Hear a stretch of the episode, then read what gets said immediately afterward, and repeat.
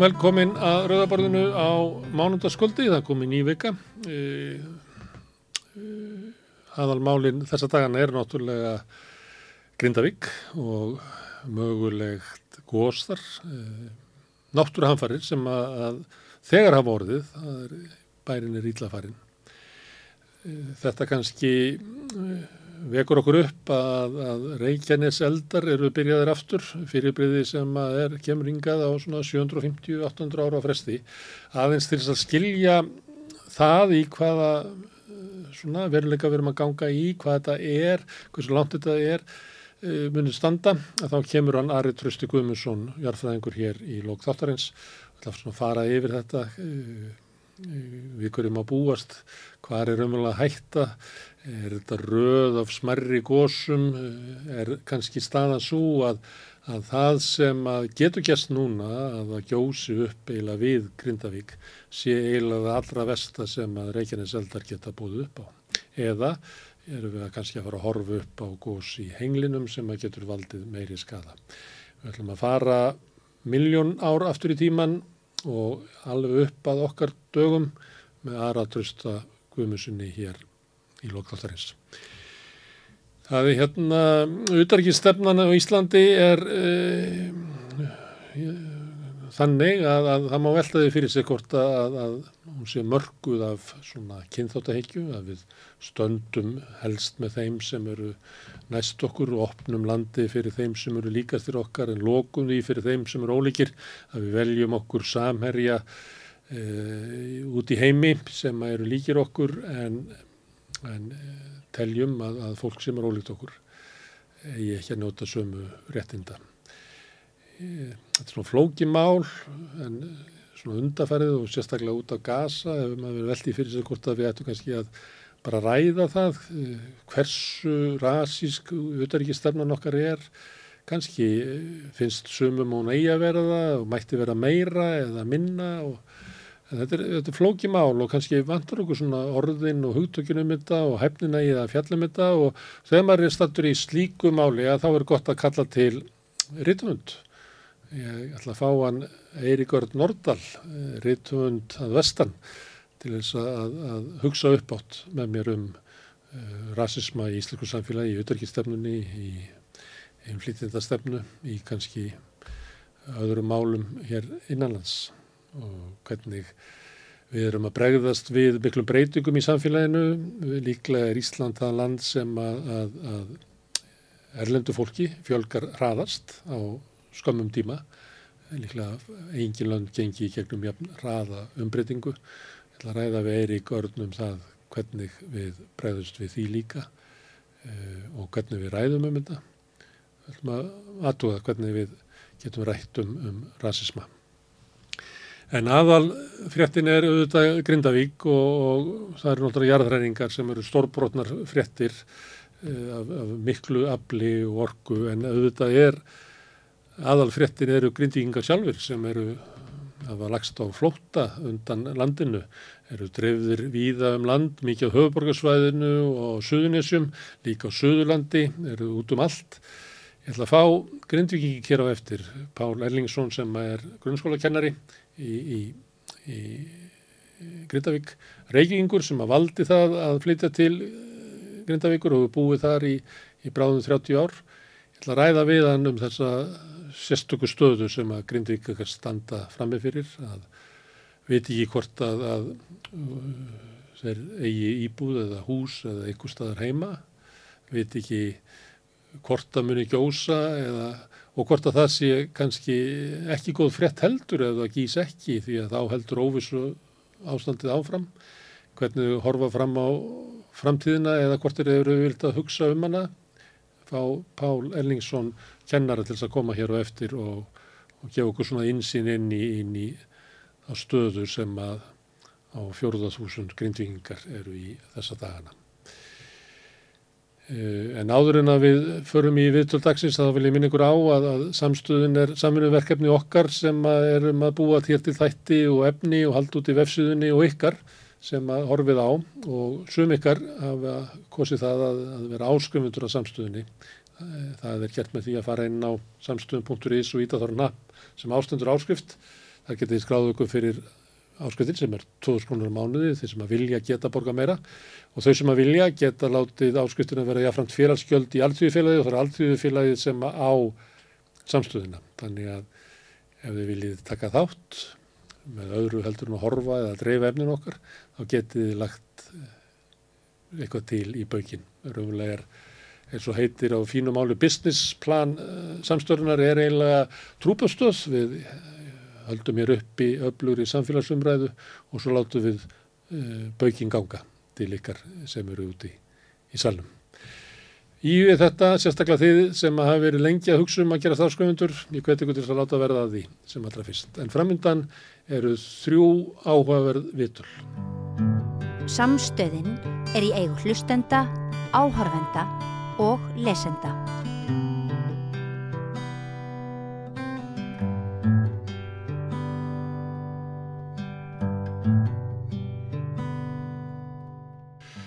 Já, það er eh, Grindavík er frétt þessar daga og náttúrulega kannski enn frekar grindvikingar sem eru í undarlegri stöðu og flótta undan landinu.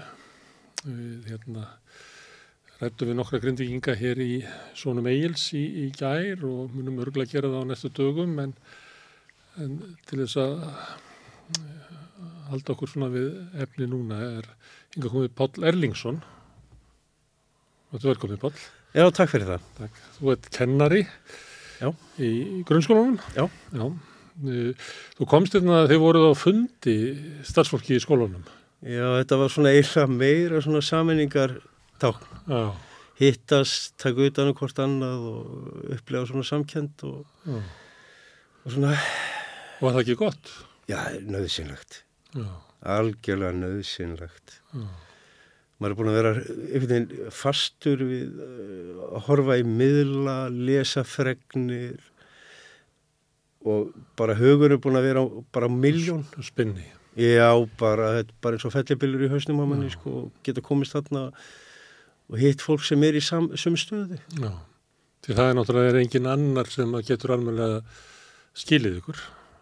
Nei, ég held Þú að... getur reynd að segja mér hver- eitthvað en ég já. mun ekki skilja þetta alveg uh, fullnustu. Nei, sama hvað fólk myndir reyna og, og sína okkur samkend og allan þennan hluta, sko, þá, þá eigum við þetta sammeginlegt að hafa áttu þessar aðstæður Já, og verið þessum aðstæðum ekki, ekki, ekki bara frá föstaskvöldinu eða föstdeginum, nei. heldur bara í aðdragandanum. Við erum búin að, þetta er búin að vera að byggjast upp. Er, er það út af skjáltunum eða er það svona kannski óttin við að gæti komið eitthvað uh, enn verra? Ég sko, Eða var það kannski svona óorða, óorðuð óg sem enginn kannski þorðið að nefna eða? ég sko, málega það að, ég veit það ekki, grindíkingar eru alveg ótrúlega sérstakt fólk. Já, Ég segi það sem reykvíkingur, Já. upphalinn, borun og barnfættu Já. þar. þú hefur gest augað ennþá. Já, Já. ég, en ég samt, ég er búin að búa þannig 25 Já. ár og þetta er minn heimabær Já, og hvergi ljúfar að búa. nei, Og hérna á þessum tíma sko, þá er, hann er mér áskær já, og bara fólkið, ótrúlegt fólk. Við, við höfum ekkert verið enn til að hugsa sko með eldgós inn í Grindavík. nei, Þetta er fyrst og fremst sko þegar þetta byrjar allræðinrika hérna fyrir nokkrum ára síðan og jújú, jú, það uh, fólki stóð stökur af þessu. En einhvern veginn, uh, þetta, þetta gerist ekki inn í Grindavík endilega. Jú, jarðskjálta við vorum uh, fundu fyrir, eru búin að finna fyrir þeim í nokkur ár og, og svona höfum ekki þetta endilega verið að kippa okkur upp að sömu hverjir sömu hverjir hafa tekið þessu afar illa og liðið afar illa út af þessu sem er skiljanlegt. Já. en Hver var það ógrið? Mögulegt trönnflæði sem að... Það var ekki einu sinni það og ekki, ekki þegar við vorum að ræða saman í upphafi sko. Þú veist, heldur fyrst og fremst, þetta er ónót, bara fleikin er á hreyfingu, það er gliðnun, við reykjanis er að vakna. Við, maður horfði alltaf til þess, já, þetta verður túristagós og þetta er í Fagrætarsfjalli og, og svo kemur það aftur og svo kemur það aftur og einhvern veginn, e, erum við ekki að setja þetta einhvern veginn nærra okkur? Mm. Og meiri sjá sko síðustu vikum þegar vorum að ræða þetta á kaffistofi kennar eða bara meðal fólks þá voru margir hverjur að segja, nei þetta gerist ekki grinda þetta ekki, við þurfum ekki á okkur, það er kannski svarsengi við þurfum að hafa mest á okkur Mm. svo bara er bara eins og maður er slegin utandur á föstudaginn. Búnir að vera skjáltar og nokkuð sterkir skjáltar sko inn á milli og svona við fundum aldrei fyrir skjáltunum sko þegar uh, mest var hérna þegar góðs var í Fagradalsfjalli og öllu þessu og þá verðum við ekkert að finna fyrir, gos, hérna, fyrir skjáltum svo mikið Nei. heldur það var meira sem að leiti áttina hafnafyrð og ég sagði bara þetta er bara eins og öldugangur eða eitthvað svona fyrst svona. en svo bara fenguðu bara kjásveikið á föstudaginn Og hvert þá kjásvíktið? Bara allt öðru sér skjáltar eða? Byrja, þetta byrjaði mjög skringilega. Ég var komin heim úr kennslu vorum í rólihautunum, föstu dagur helgi framundan. Búið að vera magnast upp náttúrulega við vorum á tánum náttúrulega til Mm. þess að fylgjast með og, og vera á Varbergi, farið við viðbrasa þetta var svona ákveðin raunveruleiki sko, en hann stóð aðeins utan við mann. Já. en svo byrjaði þessi skjáltar hérna kláðan þrjú minni mig á föstudaginn. og hún bara ætlaði ekki að enda. Það var bara skjálti á mínúti þryggjafnda fresti og þetta var þokkalegi skjálti og svo jökustir Já. og og manni leist ekki á blíkunni að fyrst fannst þetta skrítið en samt fyrringin nei nei, þetta er ekki að fara að gerast hjá okkur. Þetta er ekki svona við, við förum í gegnum þetta eins og við höfum farið í gegnum. Þetta, við erum vist ég að segja þetta svona. Og svona minn heima Já. og við erum búin að vera að standa í þokkalegum skjálftum og segir við mig pappi, hérna, við ekki bara skella okkur í ræktina það er kannski minni skjálti þar Mm. Við förum í ræktina eins og ekkert bara fyrtir millir 5 og 6 eða um 6 litið. Og við erum hann í ræktinni og svo bara eru skjáltar og þeir eru að aukast og einhvern veginn tilfinningi fyrir þessum skjáltum væri bara það, þeir væru undir okkur. Já. Þetta voru mjög skringilega skjálta með höggin og, og erfitt að standa, þú veist og svona. Lóð að kastast úr rekkum hann í, í ræktinni hjá okkur, sundleginni og þá svona hóruðu hvernig hann hættir, hætti að lítast á blikuna. Við þurfum að gera eitthvað sögðu við, ég fer heim, hann ætlar að hingra aðeins og taka aðeins meiri rektinni, svo bara áttan hann að sjá það herðu, mm. segi við mig pappi, hvað, ég bara áttan að herðu, þetta er bara bull. Já. við förum heim við bara hendum í töskur það sem við ætlum að taka og svona. Og bara tíum okkur stað. Við förum stað áttum kvöldið út úr bænum. Áður en að það er... áður er rýmingin á kemur. sér stað. Já við sáum bara það sko, en við ætlum, vorum ekki að sjá það að þetta veri síðan skiptið. Nei. við ætlum bara að Já. losna út úr þessu hristingi fá bara kvíld komast bara út úr bænum kemur þá bara annarkort eftir helgi eða eitthvað svolítið aftur í vinnu Mm. en svo bara uh, þau eru konir í bæinn þá bara fá upplýsingar um það síðan um kvöldi að það er bara rýming á sér stað Og þið hafa ekki farið aftur. nei, en við ætlum að fara í gær Já. þess vegna komst ég ekki til í Já, gær já.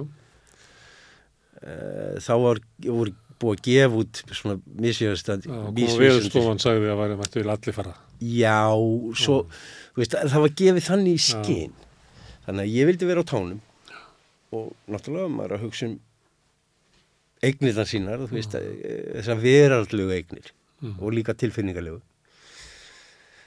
og hérna En eru þið bara með eina tösku með okkur? Nei, við tókum í sikkur á töskuna Já. við náðum því Já. og Þannig hérna, þú ert eiginlega búin eins og verður bara að fara í... ég er bara eins og í Helgar- ferð- ferð. helgaferð Já. til útlanda þetta er svona dæmigerur svona fullt af, fullt af dóti sem ég tók ekki ég hugsaði bara, menn ég tek hitt setna ef út í það fer, ég þarf eiginlega ekkert ég var eiginlega komin á það, þú veist, ég kemur hvort þér aftur En, en eh, nú ertu búin að heyra síðan eftir á hvað gekk á. Það gekk þarna einhver kvikugangur undir bæinn. Já. Þannig það hefur verið, ekki- það hefur verið út af því sem að skjáltarnir voru öðruvísi. Þeir voru raunverulega undir ykkur. Já, það En samt kemur sko rýmingar tilkynningin mun setna, kannski nokkru klukktum eftir að, að þú upplifir að þú finnir skjálta eins og að sé eitthvað að... það er eitthvað að gerast undir Undir. fótunum á mér Já. þetta er ekki skjálti sem ég verð var við oft finnum maður þitt þú veist, heyrir maður þitt áður í skjálfting gengur yfir Mm. Skrítið í svona skjálta Mm. heyrist á Reykjavíkusæðinu og svona þetta var ekkit svoleiðis þetta var bara högg og högg og, og svo bara leka allt á reyðaskjálfi sko, einhvern veginn svona í- maður eh, fór fram og tilbaka. Og hérna ég bý á hérna, miðhæði í blokk og mér fannst ég bara að vera á okkur fljótandi. Og það var nógu slemt til þess að þið ákveði bara að fa fara bara. þetta var bara galið. Þetta var bara, þetta var bara galið. Og þetta, fjöldi fólk skerði það sama og þið fóru bara, já, já, það var ströymur út úr bænum á þessu tíma. Já, já, já, já, já, já. Það var alveg sko, þá var fólk búið að fórna og ég held að margir hafi verið í þeim sömu sporum eða með þann sama hugsunarhátt nú vil ég fá kvíld frá þessi bili. Ekkit endilega að hugsa um það sé að fara að gjósa hjá okkur eða það sé eitthvað svoleiðis eða, eða annað eða gerum okkur enga grein fyrir að það myndi vera svona mikla skemmtir eða hvað sem það er. Ég er nú ekki búin að sjá svo mikið af myndum. Það koma nú alltaf verri og verri myndirnar sko. Já, Það er og bara þetta er bara fyrst og fennst kvíld. Bara, þú veist, þetta er búið að reyna nóg á. Hvernig má ég spyrja því þegar tökur svoleiðis ákvörðin, er fólk þá að svona spegla sér í hegðun annara? Varst það svona að fylgjast með því hvað hinir var að gera? eða? Nei, já, bara, bara- þetta, eh, sko, það var enganlega var bara- já, ég held að séu margi bara, sko, ég hugsa að séu margi sem er að, jæna, þegar þeir taka svona ákvörðun, þá eru þeir bara, ef kemur frum eðlið upp í þeim. Já, Það er bara bj- sjálfsbjarga viðleitni. já, Bara, ég er að fara, já. ég er ekki að hugsa um hvað aðri gerir. Þetta er bara ólíðandi. Fyrir á, þegar þú ferð, þá ertu ekki með hugmyndunum að það geti gósið í Grindavík. Nei, ég, ég lifði alltaf í þeirri fyrringu og það, við værum bara á öðru stað með það og, og það væri, beltið væri aðeins norðan við okkur eða vestan við okkur, hvað sem enn segja, ég sé alltaf norðan við okkur. Og það eru jarðfræðingar sem að segja bara sama að þessi gígaröð, hún endar þarna einhverjum 800 metrum frá bænum og, og margir jarðfræðingarnir hafa orðið hissa að, að gangurinn hafi farið undir bæin út í sjó. sko ég gerði mér ekki einu sinni grein fyrir að vera 800 metrur frá. Nei. Veist, ég hugsaði bara með mér, nei, þetta er, þetta er einhver staðar hérna eh, norðan eða vestan eða austan við svarsengi, ekki sunnan við.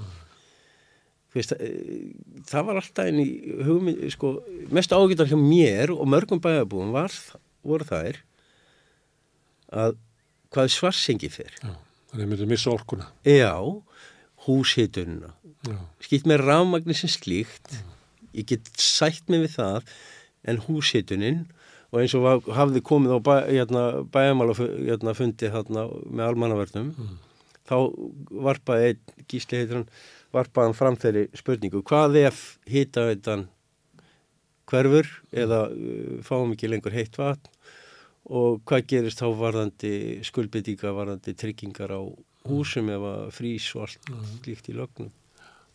Það er ekki alveg, er ekki alveg ljóst hvað er gert ef að hitta vitan fellur. Nei, nei. Því þá þarf eiginlega að hita upp vatn og dæla þann inn. Já, já, Það er, það, það, er er flóknara heldur en að taka varar afstöð. já, þetta er bara alltaf kostnað samt. Ég meina, eh, sko, þó með fullri verðingu, þá, hérna, var ég okkar þetta, ég hlusta á Katrínu Jakobs í hátteginu, þar sem hún var að fara yfir þetta og, og ég veit að samhugur er með okkur öllum og, og ég er mjög þakkláttur og meir og yfir því öllu. Þá tók ég eftir, þú veist, ég tók eftir, ég man ekki nákvæmlega hvað samhengið það var, þetta snýrist alltaf kostnað líka. Já. Og þá, þá hugsaði maður með sér, þú veist, já, alltaf svona, svona silver lining eins og maður kallar. Mm. Og með kostnaðar þáttinn sko með að halda byggðarleginu. Þið finnir fyrir miklum mikilli samkend og Já. samstöðu. Já, Sérstaklega kannski í svona þínu óformlega samfélagi. já, Það er líka fólk björgunarsveitum og fleira að vinna og engett starf og annað slíkt. ég minna að, aðdáðan alla. Já. En síðan kannski uh, er komið formlega, það er kannski eftir að komið ljós. Það er það sem að, það, ég minna, hverju verið eftirmálanir? Já, Það er fyrst og fremst það sem að fær mann til að hugsa, sko. En nú veit enginn. Nei, nei, Það gæti gósið uh, bara við Grindavík. Hvað er húsið þitt með að við það? Það er, eh, þú veist hvað hérna Nesja vegurinn er. Já, Ég er svona 150-200 200 metrum frá Nesja veginum sko. Ég, þetta eru, þetta eru hérna, ég er svona eiginlega í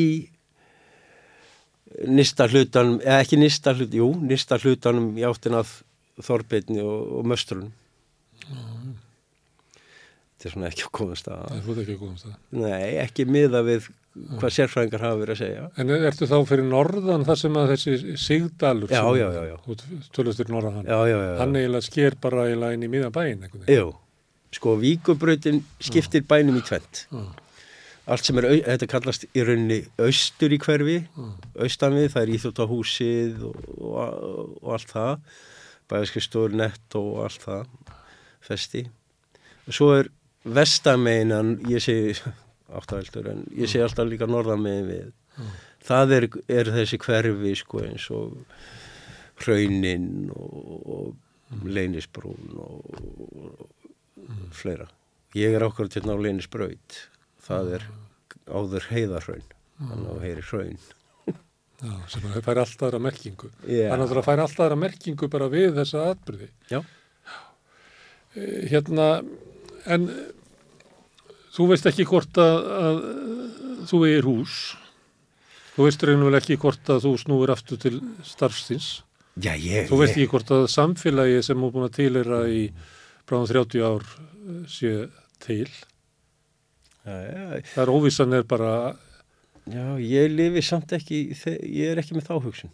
nei, þú Nei. vissum að, Ég, kannski að þessi vonin í mínu brjósti Já. er svo að samfélagum mun standa þetta af sér. Jú, það er viðbúið að einhverju mun ekki koma tilbaka. Það er alveg skiljanlegt. Já.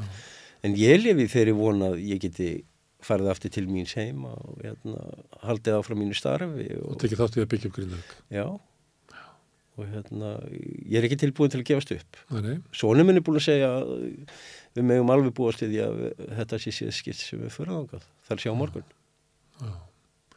En það er einn, það vesti kosturinn er að það gjósi eh, við bæinn. Mm -hmm. Besti kosturinn er að það gjósi eitthvað staðar bara sem lengt í byrstu. Já, En svo kemur svona millikostur ef það gís ekki. Já, Hvað, hvað merki, hvenar er óætt að fara til Grindavíkur? Því að kvikan er þannig. það er bara að vera byðsta. Ég myndi áætla það að vera byðsta, ekki kvikan að storkna 1 og 10, sko. Það tekur ansi langan tíma, meiri mín, minn mannsaldur, sko, að, Og líklega allir jarðfræðingar myndu segja að hún mun á endanum leita upp já, ef það kemur eitthvað upp, uppstreymi að neðan, já, já, þá mun þetta fara upp. Já, já, Þannig að við ættum eiginlega að vera að óska þess að það yrði gós mm. en bara sem lengst í byrstu. Já, ég myndi óska þess eh, að hérna það er því hérna ykkur stær hérna tala sílíkafell og hérna norða, norðan við hérna svarsengi hérna, það sem að myndi vera nokkuð örugara svæði ég, ég veit það ekki ég er ekki, ég er ekki eiginlega komin þangað til að Þú hugsa þetta Þú ert náttúrulega eiginlega í fullkominu óvissu. Já, ég er eiginlega í svona eh, sko, núna er ég bara í rauninni að reyna að halda utan um sjálfa mig, sólminn og þá sem í kringum mig eru, þú veist með það að gera Frá bara, þetta er svona sjálfsberga viðleitnin bara fyrst Já. bara frá stund til stundar. Já, eh, það er ekkit annað ég, maður veit ekkit hvað morgundagur er byrjið skoðið sér, getur góð sjá á morgun. Ég finna við erum alltaf að heyra eitthvað svona. Og, og það er bara þannig og ég, í mínum huga er heimili mitt Mm. allt sem ég er búin að skapa með þar er í rauninni þetta er, er döðlegi hlutir. Vist, veraldlegi hlutir. Maður getur byggt kannski eitthvað upp aftur eða hvað sem það er en ég hef ég hef minningar. Og hvernig sem það verður uh, hvort það gjósi ykkur staðar og ekki og allt þetta við lifum á Íslandi. Þá ætla ég bara að leifa með það að lifa í vonin að ég geti samt farið heima aftur og verið með fólkinu. Og uh, reynd að gera skapa eitthvað hafa áhrif. Já, og að ykkur takist að uh, reysa samfélagið ná samfélaginu saman og halda áfram. mm, já, mér, mér er andt um það. Já, og skiptir mig máli að hérna sko að Grindavík standi uppi. Mm. að, að Grindavík eigi sér framtíð. Og þá er ég ekki endilega að tala um sem ykkur mest aðtapnabærin heldur slíkt að Grindavík eigi, eigi von. Og það er hérna með við það sem að ég er það ekki að segja, að þá eru þessi gós í þessum reykjanes eldum. mm. Þetta er vild ekki stór gós, Nei, en það getur vel verið að þetta anstíkilega gós sem að þið eru með yfir öfunum að þegar það kom út að þá gjósið það og valdi einhverjum skada en ekki einhverjum svona það, það með að Grindavík eins og leggur sig muni ekki fara undir raun, nei, eitthvað slíkt. nei, nei. Þótt að Grindavík er byggð á raunni sem Já, að já, já, já, fyrir 2000 árum, já, já. það, er bara hannig. Já, ég minna að það gauðist þarna að þetta, þessi sprunga, tala um það, hvað fyrir 2000 ári síðan, þá var þessi sprunga virk. Já, Menn voru búin að er, er heila útilokana, þannig, já, út af að hann var búin að lokast á milli, sko. En, nei, maður, hugsa bara þannig að, jú, jú, er ekki, ég minna hafnafjörður hraun, það eru fleiri staðir hraun, ég minna, þú veist, það er yngra hraun þar sem að vellinir eru byggður á Já, álverið. já, menn hafa haft áhyggjur af því sko ef það myndi færast austargósi eða það geti vellinni væri í hættu og svo framvegis. Við búum bara á landi elds og ís. Það er samt, finnst mér, svona munur á því hvort þessi hætt á að renni hraun Mm. eða að opnist gígar Já, bara, við ræturnar. já, bara nokkru hundru metra frá heimiliðinu. Já, Það er svolítið, lítur að vera, er þótt að þið hafi ekki átt að gráði þegar þið fóru út úr bænum, áttu ykkur bara á því að vera eitthvað stórkustleita að, að þegar þú á því að þarna var bara á flegi ferð undir fótunum á þér sem hefði geta brotist upp. mm. Og það lítur að hafa svona áhrif á svona öryggis, eh, svona, þú kannast við að, að fólk sem hefur lent í því að brotist inn hjá því, Mm. að það svona fríðhelgi heimilisins er bara rofin, já, já, það finnst það ekki vera örugt þar aftur. já. Það er alltaf snemt að spyrja það þessu, sko. Ég er ekki komið þarna. Nei, nei, Nei, ég viðkynni það. Ég, ég, ég var að segja vinn minn um daginn, já, daginn gær, að, sem er prestur og hérna hann hafði samband um og spurði hvernig ég hefði það og ég var að segja honum, veistu hvað, Eli minn, þettaýfir upp, ég lendi nefnilega í bruna fyrir 25 ára síðan, tæplega. Þetta yfði upp það, þetta, þetta, hérna, en hann dofa. Þá upplifði það að ég var inn í, loka, við vorum lokaðir inn í nokkrir í Klukkuberginu og brunni sem átti sér stað þar og við komumst ekkit út. Það þurftur reykkafarar að koma til að berga okkur og svo framvegis. Og það, þá, það yfði það upp minningar þar úr því. Svona sömu aðstæður þar sem að ég þurfti eiginlega að berga mér en aldrei verið hrættur aldrei verið ótti. Aldrei fannst ég vera rændur neinu. Ég er ekki að upplifa það núna heldur. Ég, eina sem ég hugsa sko er bara að draga fram lífið í dag og bara það sem kemur, það kemur. Ég er búin að hafa það aldrei sem motto að segja bara það sem gerist, gerist.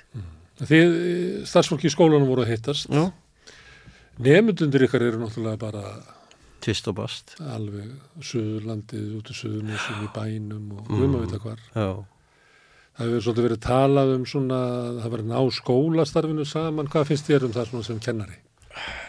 sko Kanski nokkru blaðsum og snemt eitthvað. nokkuð köflum Já, ekki? Jó, Já. Ég held að fólk veri aðeins að gefa fólki færi bæði það er sorg og ótti þetta er fólk, fólk sem búið að vera fyrir áfalli börnin okkar börnin sem ég er að kenna uh, fyrir áfalli, þau þurfa bara faðmlagi, þau þurfa að- að fá að upp, upplifa öryggið þau þurfa bara að fá að ná fótfestu aftur átt að sjá þarna sko að fara að henda þeim í skóla og keiri eitthvað af ég held að sé verið að velta þú bara vandamálum áfram sko. Já. þau þurfa að fá að glíma við þetta að fá, fá þessa ástúðu kærleik og tíma Ég, ég náðu þessu ekki vegna þess að ég- fór að hugsa alltaf þessi eitthvað svona leifar að COVID það sem var svona gaggrinni að sko skólanum hefur lokað og því að þetta ég bara náðu ekki að láta þetta sko passa inn í En Ég held bara að menn hafi verið að hugsa bara að koma þeim í reglu strax. Koma reglu á líf þeirra strax. En sko, það sem menn með ekki gleyma, fólk verður að fá sirkja, fólk verður að fá að vinna úr áfalli. Þetta er heljarinn þú veist áfall. ekki hvort að þú eigir heima sko Já, þetta er heljarinn áfall. Að vera rifin upp með rótum frá, fyrir ekki, rifin upp með rótum frá, þetta er samkennari minn, rifin upp með rótum frá heimiliðinu, frá öllu sem þú ert vanur og öryggið þínu og öllu og, og svo bara fara að segja, herðu, nú heldur þú áfram að læra. Nei, við þurfum að huga betur á mannlega þættinu þarna. En það mun kannski ekkert festast í hausnum á Nei, það myndi ekki einu sinni festast í haustum á mér hvað þetta gera. það var ég að manna ekkert mann, sá ég svona eitthvað skala á svona stressi. Mm. að sló upp í sko hundrað var hérna skilnaður.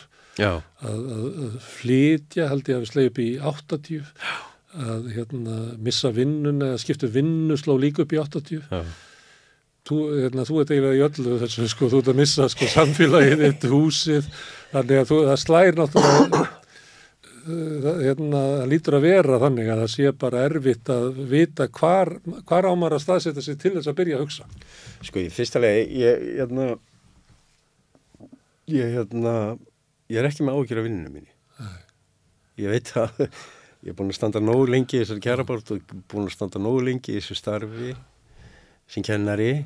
Ég veit að það vöntun og kennurum, gríðarlega en vöntun. þú hefur ekki eh, svona, efn, þannig efnaslega nótt að kakvað framtíð Ég hef engan ótt af því. Það sem að eh, fyrst og fremst er í mínum huga, það er, ég er betur settur heldur um margir aðrir. Og þá er ég að tala um stórluti grindvíkinga er bara búin að missa vinnuna sína.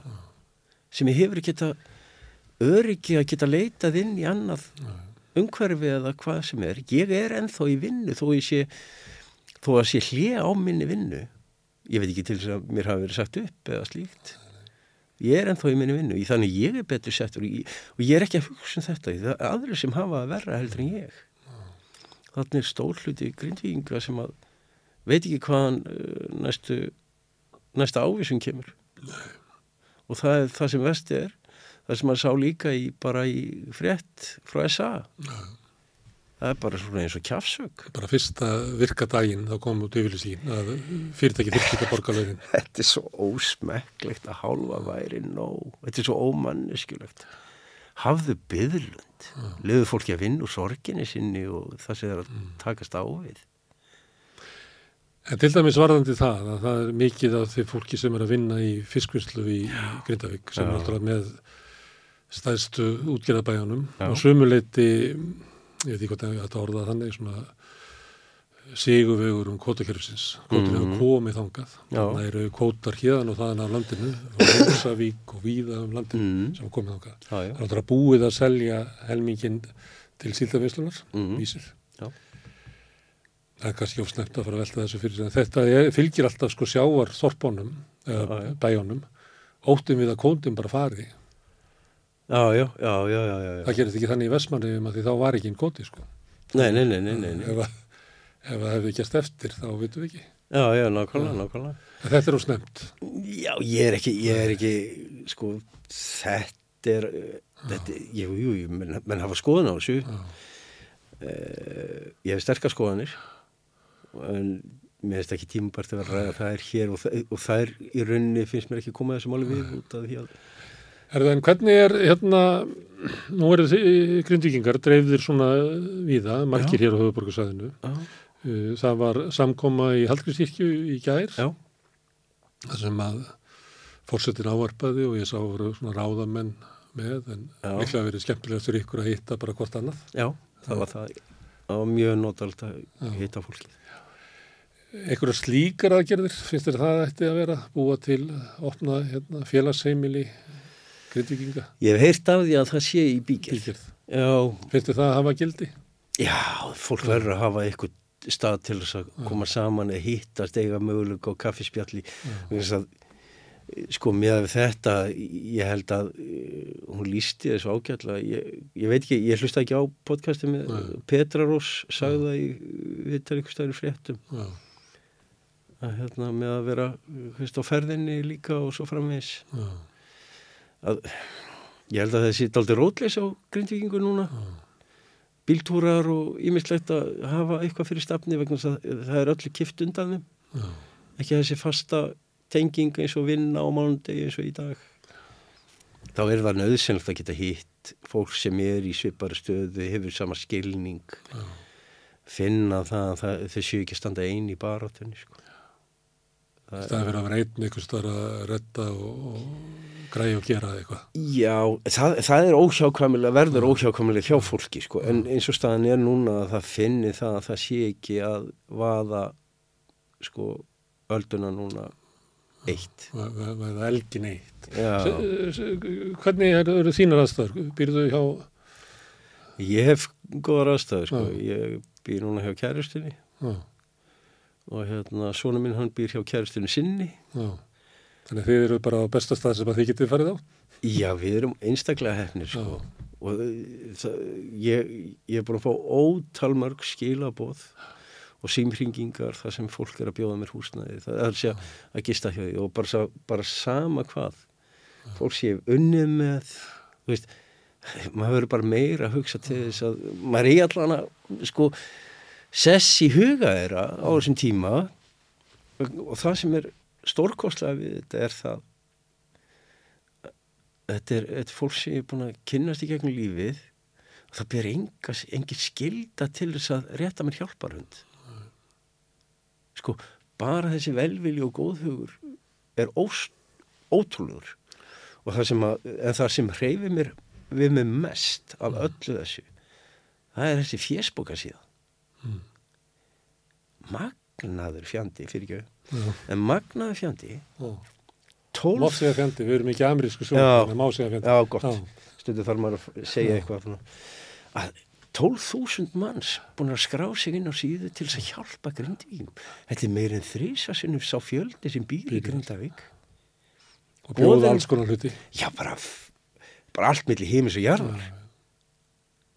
Húsnæði, fólk er tilbúið að lána hluta af heimili sínu, bjóða fólki inn á heimili sitt, mér sé að ganga af heimili sínu sjálft til þess að hleypa öðrum að.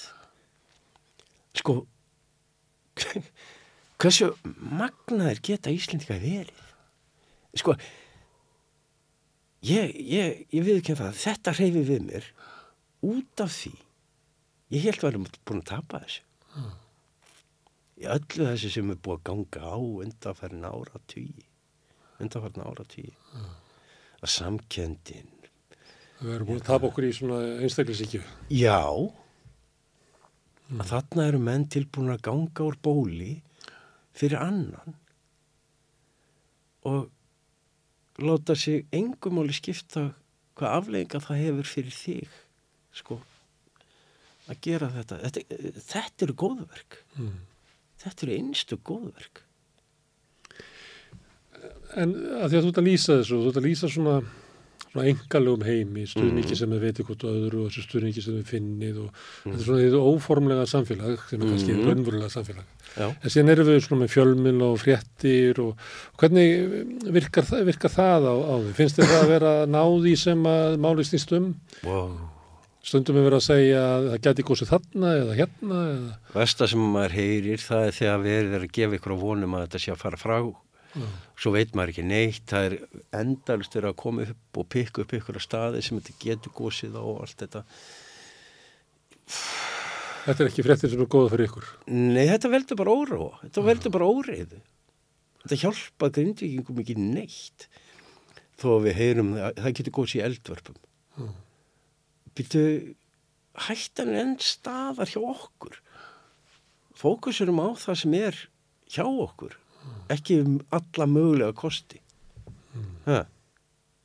ég meina það, það er svo margt þetta á milli. Við viljum bara veist, við viljum bara að það sé bara tekið fastara þú veist að svona færri fréttil nýtmiðari með þetta ekki endilega verið að hérna, svona þetta er svona eins og hákalla við þeirra þú veist, svona verið að rífa upp alveg endurst að ykkur fréttum og henda í nógu mikið fram. Og þetta bara uh, hjálpar ekkert. Ég skamaldri ístjórið, mér finnst eiginlega vanta sko fréttir af grindvíkingum sem að mér finnst eiginlega vera fréttin í þessu. Það séu að fjóruða þúsund manns á, flótta og koma sér fyrir til dæmis að þessu sem þú ert að segja mér af stuðningi landsmanna og öllu þessu. Mér finnst það að vera frétt. Já, það eru 50 ár síðan að slíkt gerist líka. 50 ár síðan að grindíkinga tóku uh, böðu vestmanninga velkomna í sína heimabyggt við síndum þarna ótrúlega mannum hérna, náunga kærleik þar í svona stórun stíl. Við erum búin að sjá ótrúlega hluti sorglega hluti sem hafa gerst víða um land, vestfjörðum austurlandi, snjóflóð og svo framvegis skriðuföll og svo framvegis. Alltaf samhöfur. Og einhvern veginn hérna hefur mér svona ég upplifa það út af því þetta var ekki nú stórtækt sem að gerðist mörg mannslíf sem að uh, fóru því miður. Sorglegt, það er þvílíkt það er bara óbætanlegt. Einhvern veginn uh, hefur mér ekki fundist þessi vakna upp hjá eins og ríkisvaldinu og eitthvað svona, þú veist. Gagvart þessu. Þannig að mikið af fólki sem er búið að vera í langvarandi streitu og álægi út af jarðskjaldunum og, og fleru. Já, Þannig að það er nú eitt sem að einhver grindvíku nefndi að það ætti nú kannski að bjóða fólki einhverja aðstóð og þjónustu. ég efa það ekki. Margir margir. sem eru bara í svona áfallastreitu. Já, búin að vera stöðugt í streyti í nokkur ár. Já, og sérstaklega þeir sem að uh, taka þess ekkert alltaf vel eru hrættir við jarðskjálta ég veit um, veit um dæmi það sem að þegar jarðskjáltar hafa dönið yfir hjá í Grindavík að fólk hefur farið úr húsum bara í bíltúr til þess að bara, Bara- smá hlýja. já, bara til að losa hugana eins við mm. hræðslunna og streituna og finnst það ekki örugt inni hjá sér og svo framvegis ég hef ekki upplegað það hjá mér En maður finnur náttúrulega ekki fyrir jarðskjaldunum í, á bílnum. nei, Já, það er, það, já, ég hef aldrei hugsað þetta svona samt. já, Ég hugsa alltaf, ég er örgur heima hjá mér, ég er í sterkbyðu húsi og ég trúi bara á það sem að gerir það. En jú, ég er sammála því, en ég held að fólk sé ekkit koma á þann stað. Af því að þetta er ennþá í gangi. Og ef það gís ekki, þá getur verið þetta undarlega byð ástand Já. sem heldur áfram og það er ábíla ótrúlega nagandi og erfitt. Eflaust. Eflaust, ég veit bara ekki hvernig það verður. Af því að þetta er, þetta er ennþá. Ég, eina sem ég veit það er ástandið er svona í dag og við erum ekki á heimil okkar og við erum undir náð og miskun, sko, margir hverjir náð og miskun annara með margt og góðvild og nága kærleika. já, Þannig að það, það er svo, þetta, þetta er ennþá langt í þetta fyrst mér. já, En ég, ég vil eiginlega ekki fara ganga þá leið að hugsa hvað ef það verður ekki elgós, hvað ef það verður elgós, hvað, hvað gerst þarna, eitthvað svona og verður hægt að búa í bænum að hluta til eða hvað verður um bæin og hvað. það er svo 692 leiki fram í tíman. Já, erfitt. bara, ok, ég er bara einfaldur kallmaður og ég vil bara halda mig við það að vera einfaldur kallmaður. Það er bara þægilegt. Er ekki stundu sagt að ignorance is bliss? Það var örgla við þessu tilfelli því að Já. mögulega hefur hafa svona atbyrðir átt sér stað, náttúrulega kannski ekki núna en einhvern tíma fyrra á öldum. Mm. Segjum að við hefðum ekki þess að mæla og gerfitunglamyndir og eitthvað Já, já, Og þetta hefði gengið á í bænum, að þá væri þú líklega á bænu þínum já, að koma komin aftur heim já, og var að hugsa að djöfullin var þetta sem að gekk á eiginlega. já, já. Sjá gólvöllin minn, þú varst nú eins og formaði gólfélagsins eða ekki? Jú, Já, golfklúbbsins. golfklúsis í, Hann er illa farinn. Já, það er sorglegt að horfa upp á það, en ég held að menn séu ekki mikið að hugsa um það í dag. Nei, nei, en ég er bara að segja Það er svona, að því að við vitum hvað gekk á og Já. kannski fyrir á 1200 þá verður þú komin aftur heim Mm. núna og það er, já, nú þetta er vestir yfir staðið mm, myndur hugsa já, en nú er það svona við bú, Já, búum já. við svolítið annan raunveruleika að geta séð ofan í jörðina sem að, að þú sagði sko að, hérna, að uh, ignorance uh, Is bliss. Já. að það var fyldið í áður öryggi að vitið ekki af þessu Já, já, það er það. að kvikunni sem að gekk undir fætunar á Já, hefði ég vitað á föstu deginu Já. að það veri kvika undir mér Já, eða á þeim stað, ég veit það ekki að þá, nákvæmlega, fyrir víst. Ég hefði ekkert verið það. Ég hefði ekkert verið endilega að hugsa það. En ég tristi sérfræðingum já, og þeir eru öllum, allir að vilja gerðir og sína metna, mikið metnað og fagmennsku og það er ómetanlegt starf sem þeir hafa unnið. Við það að hjálpa okkur að teikna upp myndina, sviðsmyndina. Og þeir var ekkert að hleypa okkur inn í bæjarfélagi í dag og hleypa okkur á staði til að ná í kærkomna hluti eða, eða eitthvað ef þeir myndi hugsa að þeir var að setja okkur bráða lífsættu nei, nei, ég líti á þannig sko. Það væri búið að segja, herðu Palli kontaður út. Fyrir löngu síðan ef ég væri ef það hefði verið vitað eitthvað eitthvað svona. En ég veit ekkit hvort það sé undir hjá mér núna sko eða hva, hvað það er vegna þess að ég veit að ég má fara til grindaðugur og ná í nöðsynjar, ég fæ, ég fæ sjö mínútur. Á morgun. Já, á morgun, ég er að vona það. Já, ég vona það, ábreyttu ástandi þá er ég að vona það að ég geti farið á morgun með sinnum. Og láti greipar sópa á heimilinu mínu og bjarga því sem bjarga verður með það. Segir hann, bjarga því sem ég er ekki þar. Ég vil bara getna, ná í aðra hluti og bara geta náði hitt síðar eða hvernig sem það verður. Ég er ekki komin þangað einu svona að hugsa það. Það sem að fór í dag að þau eru svona finnst vond að sjá bæðið sitt hann er illa farin sko Já, ég, ég er búin að sjá myndir og þetta er áfall að sjá þetta. Ég meina þetta er svæði sem að eh, búin að fara, fer um daglega og við farið um daglega í fjölda ára og, og stór hlutur af hérna bænum. Já. Þannig að þú veist, Þannig að það hefur þegar orðið sko stór viðbörður, stóra náttúrhanfarir Já. þegar orðið. Já, þetta er, þetta er mikið og stórt mál og, og segjum sér svo, ef við myndum bara að horfa að þannig, herðu, allt stoppar, allt eru gott og blessað, það þarf uppbyggingu á því sem að hefur skemst.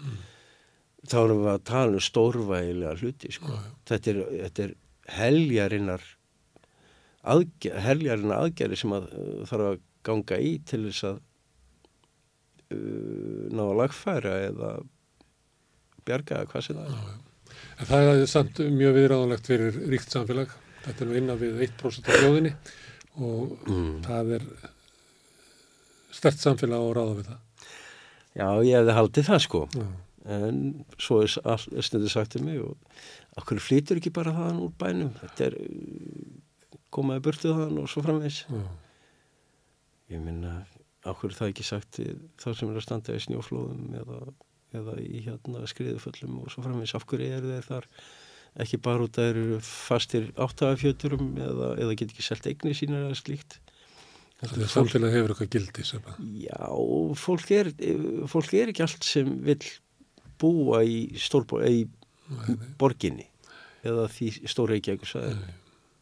Ég sæki, ég sótti hérna, nándina í fámennið. Þú veist, ég kunni betur að metta það og minni streitu á því að flytja úr fjölmenninu yfir í fámennið til þess að upplifa það að ég væri manneskja meðal manneskja. Þetta gleymist oft þegar þú kannast meiri sér við að þegar kvótin fer eitthvað staðar frá mm. þingir eða eitthvað þá er sagt svona við fólk sko. Mm. flyttur ekki bara bæinn Mm. eh, bara kosti þetta fólk allt í bæinn. Og það er eitthvað svona algjör blinda fyrir sko verðmætum samfélagsins sem að fólk er með. Já, og það hafa verið gerða svona rannsóknir á því hvernig eh, samfélag bregðast við áföllum. Hungursneiðum, uh, hamförum og öðru slíku. Og uh, Vestmannegar voru hluti af þeirri rannsókn nema það var öfugt þar að því að vera rannsaka sérst að þeirra verður fyrir ykkur áfalli já, á fer hluti af fólkinu já, og að meðaltali þá var það þannig að þeir sem að fara hafa það efnaðslega lega betur að það er hérna hærri launum og Mm. börnin verða hérna með betri mentun og, og eitthvað svona En samt er það þannig að svona, það fara aldrei nema svona um 15%. Já. En 85% eru eftir. Og hagfræðingur sem að gerði þetta, sem er þetta fekk Nobelin, Já. hún sagði, þið sko, við hefum erfileikum með að skilja þetta, við verðum að skilja þetta því að það er augljóst að við erum eitthvað vittlust mælitæki ef að við mælum bara ávinningin sem að 15% sjá, Já. en við verum blind fyrir því sem að 85% völdu, sem Mhm. að veri me- meira virði heldur en það sem að, að hinn fengu. Og Mhm. þau sem að urðu eftir, í flestu tilfellum, gera sér svona einhver leiti hérna, í hugalund að, að, að þau sem að fóru muni ö, fá. Þannig að verðmæti samfélagsins Mm. er eitthvað sem við kunnum ekki að mæla. Nei, það er það, það, ég er alveg sammála því. Sko, ég, ég er uppalinn reykvíkingur en, og ég skilgrein mig alltaf sem reykvíking Mm. af því að ég festi það, eða, ól mín fyrstu ár, þú veist, Mm. og En þú valdi Grindavík. ég valdi Grindavík. Það, það segir dálítið um það, sko, hver, hver minn hugur er, gagvart samfélaginu. Mm. Og hérna, ef ég ætti þess kost, þá myndi ég vilja byggja upp samfélagið aftur og halda áfram að taka þátt í því og leggja minn skjær fram í því. Já, ég vona að það bara auðnist þér sem allra fyrst. Já, ég- já, Mm. ég, hérna, ég þekki það til dæmis bara ég er búin að heyra þetta svo oft ég er búin að, ég er búin að starfa sem kennari bara á 35 ár. Mm. og ég hef oft fengið þessa spurningu af hvernig ennur að standa í þessu að vera kennari? Ég held að svipi til þess með ákvæmt fólki sem vil ekki flytja af Mm. ákvæmnu stöðum. Það snýst ekki alltaf jújú, jú, laun. En ég ég er ekki að sækjast eftir það. Er margt, margt annað í lífsfyllingunni sem ég fæ út úr því að vera kennari. Og eins og einn vinnum minn sagði við mig sko sérstaklega komin á, á þennan aldur sem maður er. Að vera 60 bráðum að hérna nú erum við komin á stað til þess að skapa minningar. Þetta snýst ekki um peninga eða búa til eða kaupa eitthvað eða eignast eitthvað. Það er að skapa minningar. Mm. og það er ágið góðar í Grindavík. Og reynsla þín undanfannar daga hafa fært þér góða minningar um, um samkend og samstöðu íbúana. já, Mm. já og það sem það sem að mér finnst alveg stórkostlegt með er að að hérna skuli vera svo margir sem að eiginga tengingu við Grindavík. Séu boðnir og búnir til þess að gera hvað eina til að hjálpa Grindvíkingum. Þarna heyrist ekkit eitthvað ég er akvareringur, Grindvíkingur, Reykvíkingur ég er Íslendingur. Þetta er það sem mér hefur fundið svo vanta í þjóðarsalun okkar. Og það er svo sorglegt að við skulum þurfa hamfarir til þess átt okkur á því. Þetta er einstök þjóð. Þetta er einstök þjóð. Og við þurfum hamfarir til þess átt okkur á því og lifa mann manngæskunni að rýsa ofar öllu öðru. Og og það er okkur að þetta sko. Við erum búin að, búin að vera í ára tugi upptíkina því að vera í hver er ríkastu, stærstu, mestur og bestur og allt þetta kjæftæði Mm. og gleyma þessi mannlega þætti. En núna hefur hann komið fram. Já. nú hefur hann sínt sig og við kunnum að meta það grindingar Mm. við erum meirir. Við erum, erum bógin ekki buguð, ekki brotin og hvað sem menn taka ákvörðunum í framhaldinu hjá sjálfu sér varandi sína hagsmunni, varandi framtíð sína og svo framvegis gera þeir að sjálfsögða sínum fórsendum en við eigum það sameigild að við höfum öll vilja grinda það vel og fólkin okkar. Heru, kæra þakkir Pállur að koma engað. Ég vona að uh, fólkinu auðnist að, að muna uh, af geskunni og, og mennskunni að, að, að fenni ekki fljótt yfir þetta. Já, Mm. takk fyrir það. Já, ég vona svo sannlega okkur veitir ekkert af í sk- skrýtnum heimi. Heru, gangið er vel og vonandi kemstu sem allra fyrst heim. Já, takk. Takk. Heru, nú snúðu okkur að, að allt öðru máli hérna við rauðaborðið en við munum svo tala um jarðræringar og reykjanesi hér aftast í þættunum. En næsti kapli eftir augnablik. Hvernig getur við réttlætt að um 63% eblingarkvenna eigi erfitt með að ná endum saman? Ebling stjættarfélag. Baróta fyrir betra lífi.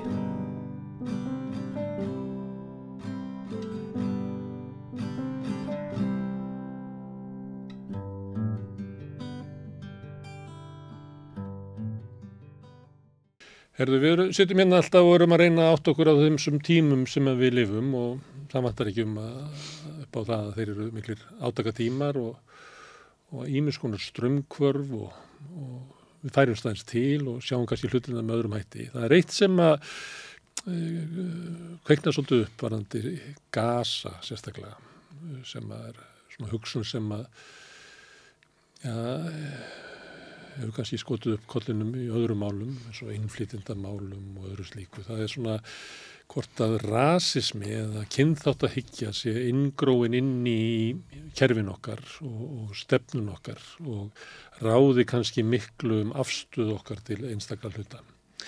Og þetta er kannski svona vangavelta sem er ekki alveg eh, inn í frétta umhverfinu, það er ekki verið að tala um að, að, að rasismi hafi mælst svona svona hár á gatnamótum kringlumýrabröðar og miklubröðar. Við erum ekki með svona teimi í því, við, viðbræðsteimi um að breyðast við rasisma sem að gís upp í Östubæjar skóla eða í útlendingastofnun. Þannig að þá þurfum við, erum við á svæði þar sem er gott er að leita til svona frjálsra huga. Við getum talað við presta um þetta en við getum líka talað við listamenn eða réttunda og Eirikur Örn Nordal er hengið á komin. Sæl. Eins og heyrðir á ingangnum þá ætla ég að fá þið til að tala um eitthvað svona sem að ja, einhverju þetta vegna við höfum svolítið erfileikum með að ræða að, að til dæmis það að að maður myndi varpað upp hvort að stefna stjórnvalda í varðandi gasa Mm -hmm. hvort að kynþátt að higgja merkja þar spór. Þetta ætti að vera bara sára saklu spurning en ég býst við að við getum sprengt upp vikulokkin og, og silfrið og ymsa Mhm. þætti bara með því að, að spyrja þessu sjálfsögur spurningar. Sko, hún er alltaf er, hérna, sko, einfaldarsverðið er alltaf bara já og ég held að, hérna, held að meira segja þeir hljóta skilja því silfrinu, sko. Hérna, það er einhvers staðar, hérna, vegna þess að Það þetta var samt ekki ræðana.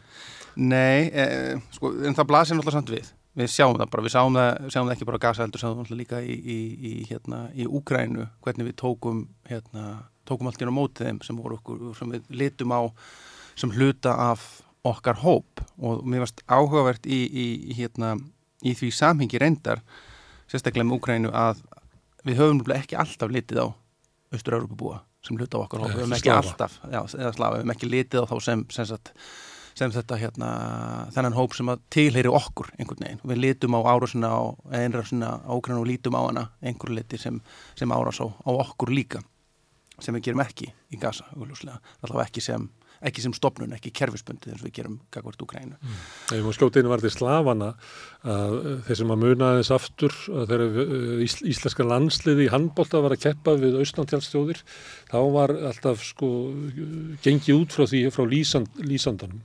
Þetta verið þjóðir sem að með að vera að vinna að þá verður erfiðar en ef það myndur mæta mótlæti að þá myndur ekki þóla það. Já, Það já, svona já. hugmyndum það að það væri einhvern veginn öðruvísi uppbyggðar heldur við að svona einstaklingsáraðinnið væri farið úr þessum þjóðum Mm -hmm.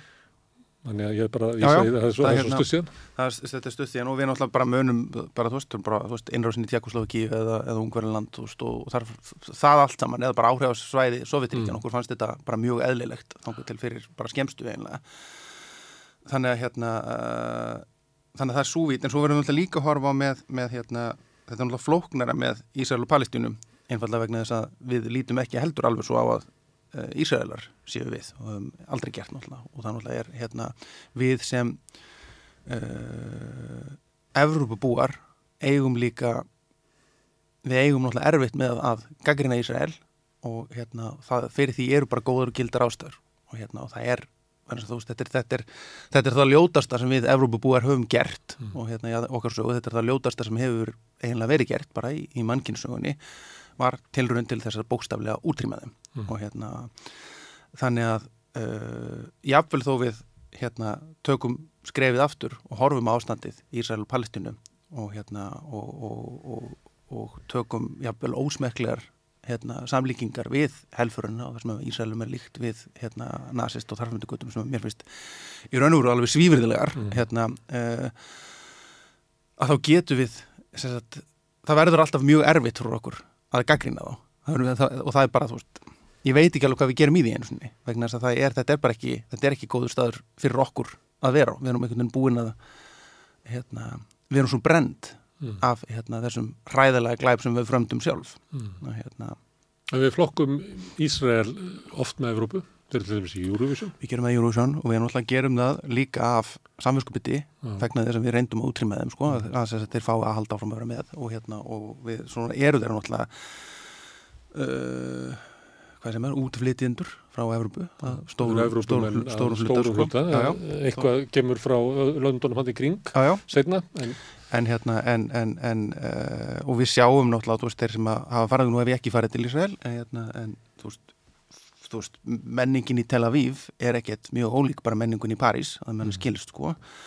Uh, þannig að hérna uh, er sannlega þú veist, hérna, eru, eru, eru einhverstað við lítum sennilega meira á gýðingar sem okkur heldur en við lítum á palestunum en sem okkur sko, ég held að það sé nú alveg, alveg reyna línur sko, þó að það sé væntanlega að breytast líka með bara hérna aukinni viðveru palestinumanna og, Mm. og annara miðausturlanda ræðu það afstuð okkar. í Európu Það var náttúrulega sambarilegt stjórnafar og það er oft vísað til Suður Afríku líka.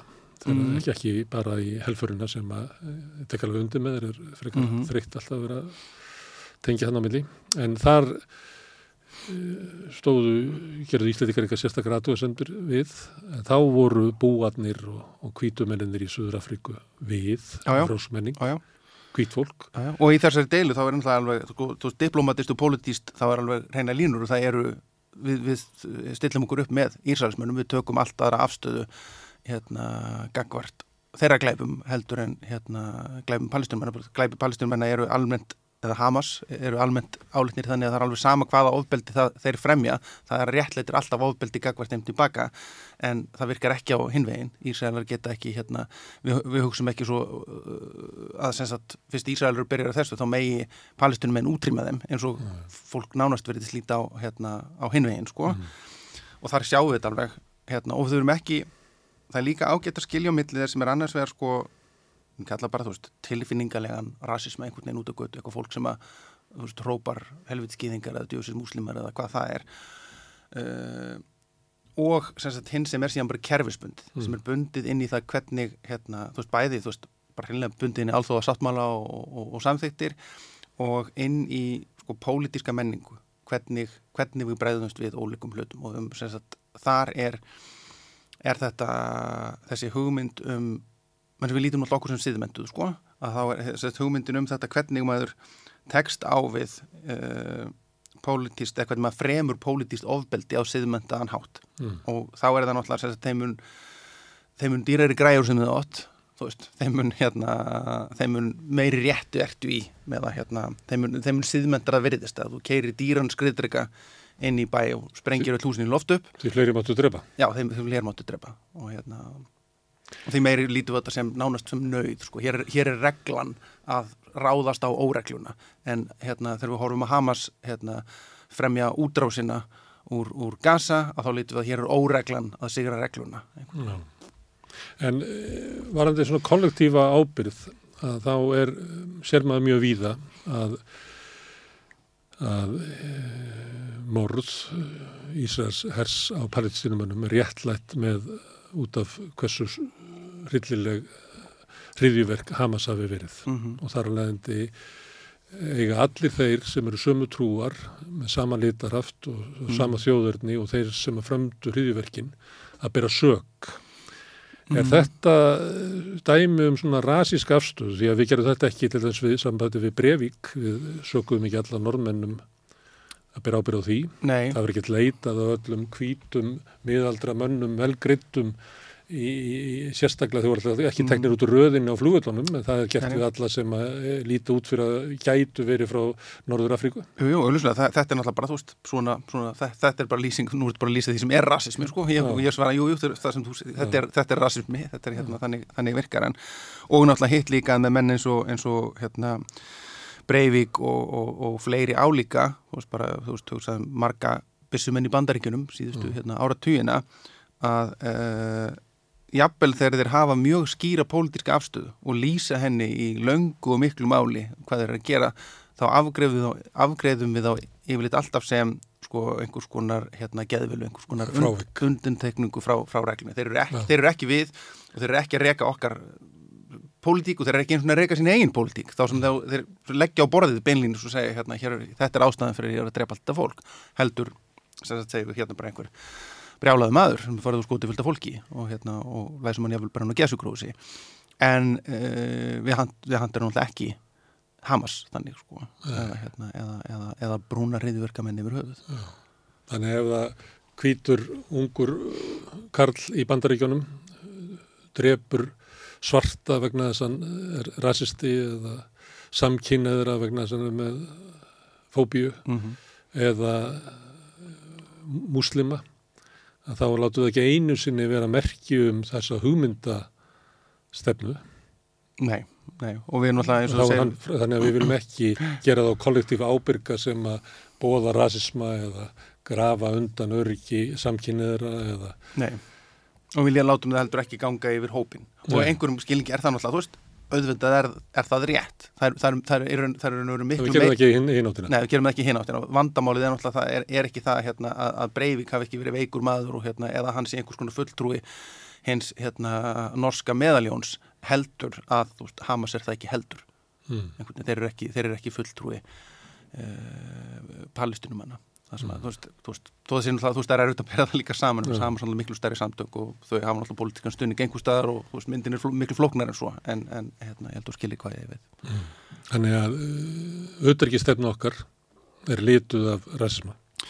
Já, ég held að auðvitaðingistefna Íslands sé bara rosalega mikið oft hérna, reyndar litur bara af einhverju praktik og það er svona, hvað getur sagt, svona annar stygs rasismi við fljótum bara með Rasisma bandaríkina. Já, við fljótum með á rasisma Vesturlanda og fljótum með einhverju pólitíski stopnun vegna þess að við, hérna, vegna þess bara við, við lítum svo á að við séum í samflóti með þeim, við séum einhvern veginn á einhverju sameiginleiri vegferð og við getum ekki hérna, sett okkur upp á móti og gera það, gera það Það sára mingar ekki ábyrð okkur á því. að- Nei, sannlega ekki sko, sannlega ekki sko. En, hérna, en, en við erum einhvern veginn, við erum eiginlega með við erum, við erum með svona auka afsökun inn í ferlinu sem er ekki bara það hérna, að við séum einhvern veginn hérna, að reyna að eiga við Hamas eða eitthvað heldur erum við bara, á, þú veist, ég get ekki gert neitt vegna þess að ég er bara hérna, ég hangi hérna utan í þessu fólki hérna sem er á þessari Við vegferð. stöndum bara með eh, like-minded sem að maður er byrjað að heyra miklu Mhm.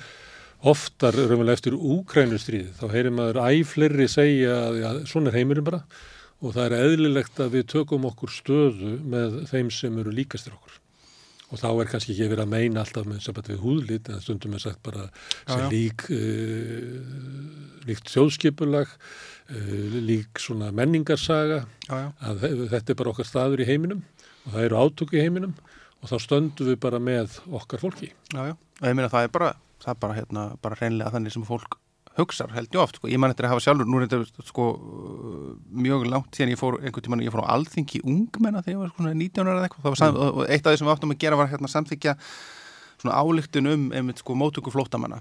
Og þú veist þetta var bara fólk á aldrinum sko 16 til 20 og hérna og það var, það var samt tróðið inn að það þyrfti að flóttamennir þyrftu að vera sagt, hérna, ég man ekki nákvæmlega hvernig það var orðið en eins líkir okkar og, og mögulegt væri til þess að hérna, veist, komi veg fyrir átök og, og sundrungu í veist, þannig að það var einhvern veginn meiri segja, sko, meiri segja unga fólkið gæti ekki, sko, hugsa sér að taka á móti, veist, meira framhætti flótamennum bara, bara dönum, einhvern veginn. Ef að danir myndu lendi vandrar, þá getum við tekið þá inn en all, allir aðrir væri á. Því að aðri getur mengað e, samfélagið og þá eru við Já. bara komin á, að því við nú að tala um helfurina, þá voru ríkjandi hugmyndir í heiminum um að, að þeir sem væru svona frávik frá samfélaginu, við gætum í saminningu byggt upp gott samfélag, en þá þurftum við að skera af okkur óæskilega hópa og þess vegna gemdum við það sem að kalla fávitar upp í, á hælum og geðsjúkir og, og líka- fangar og fátakir og, og al, bara mm hæ, allir skornir út úr samfélaginu.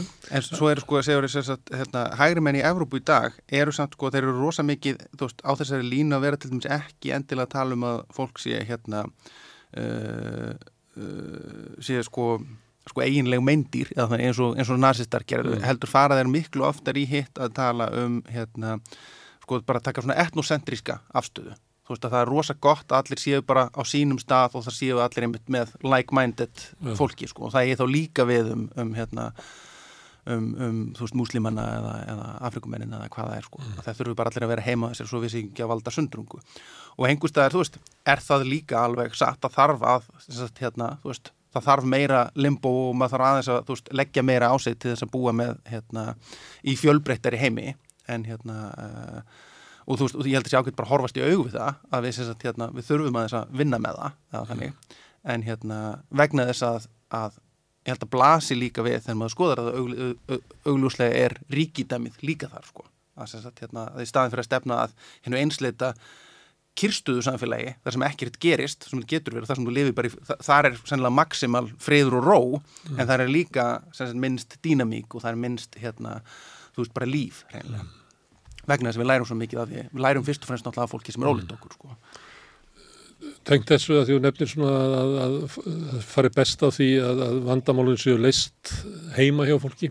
Að, Það eru svona rauk fyrir því að við höfum ekki að taka við flotta fólki heldur að styðja fólk við að vera heima á sér. Það er einn útgáfan af þessu.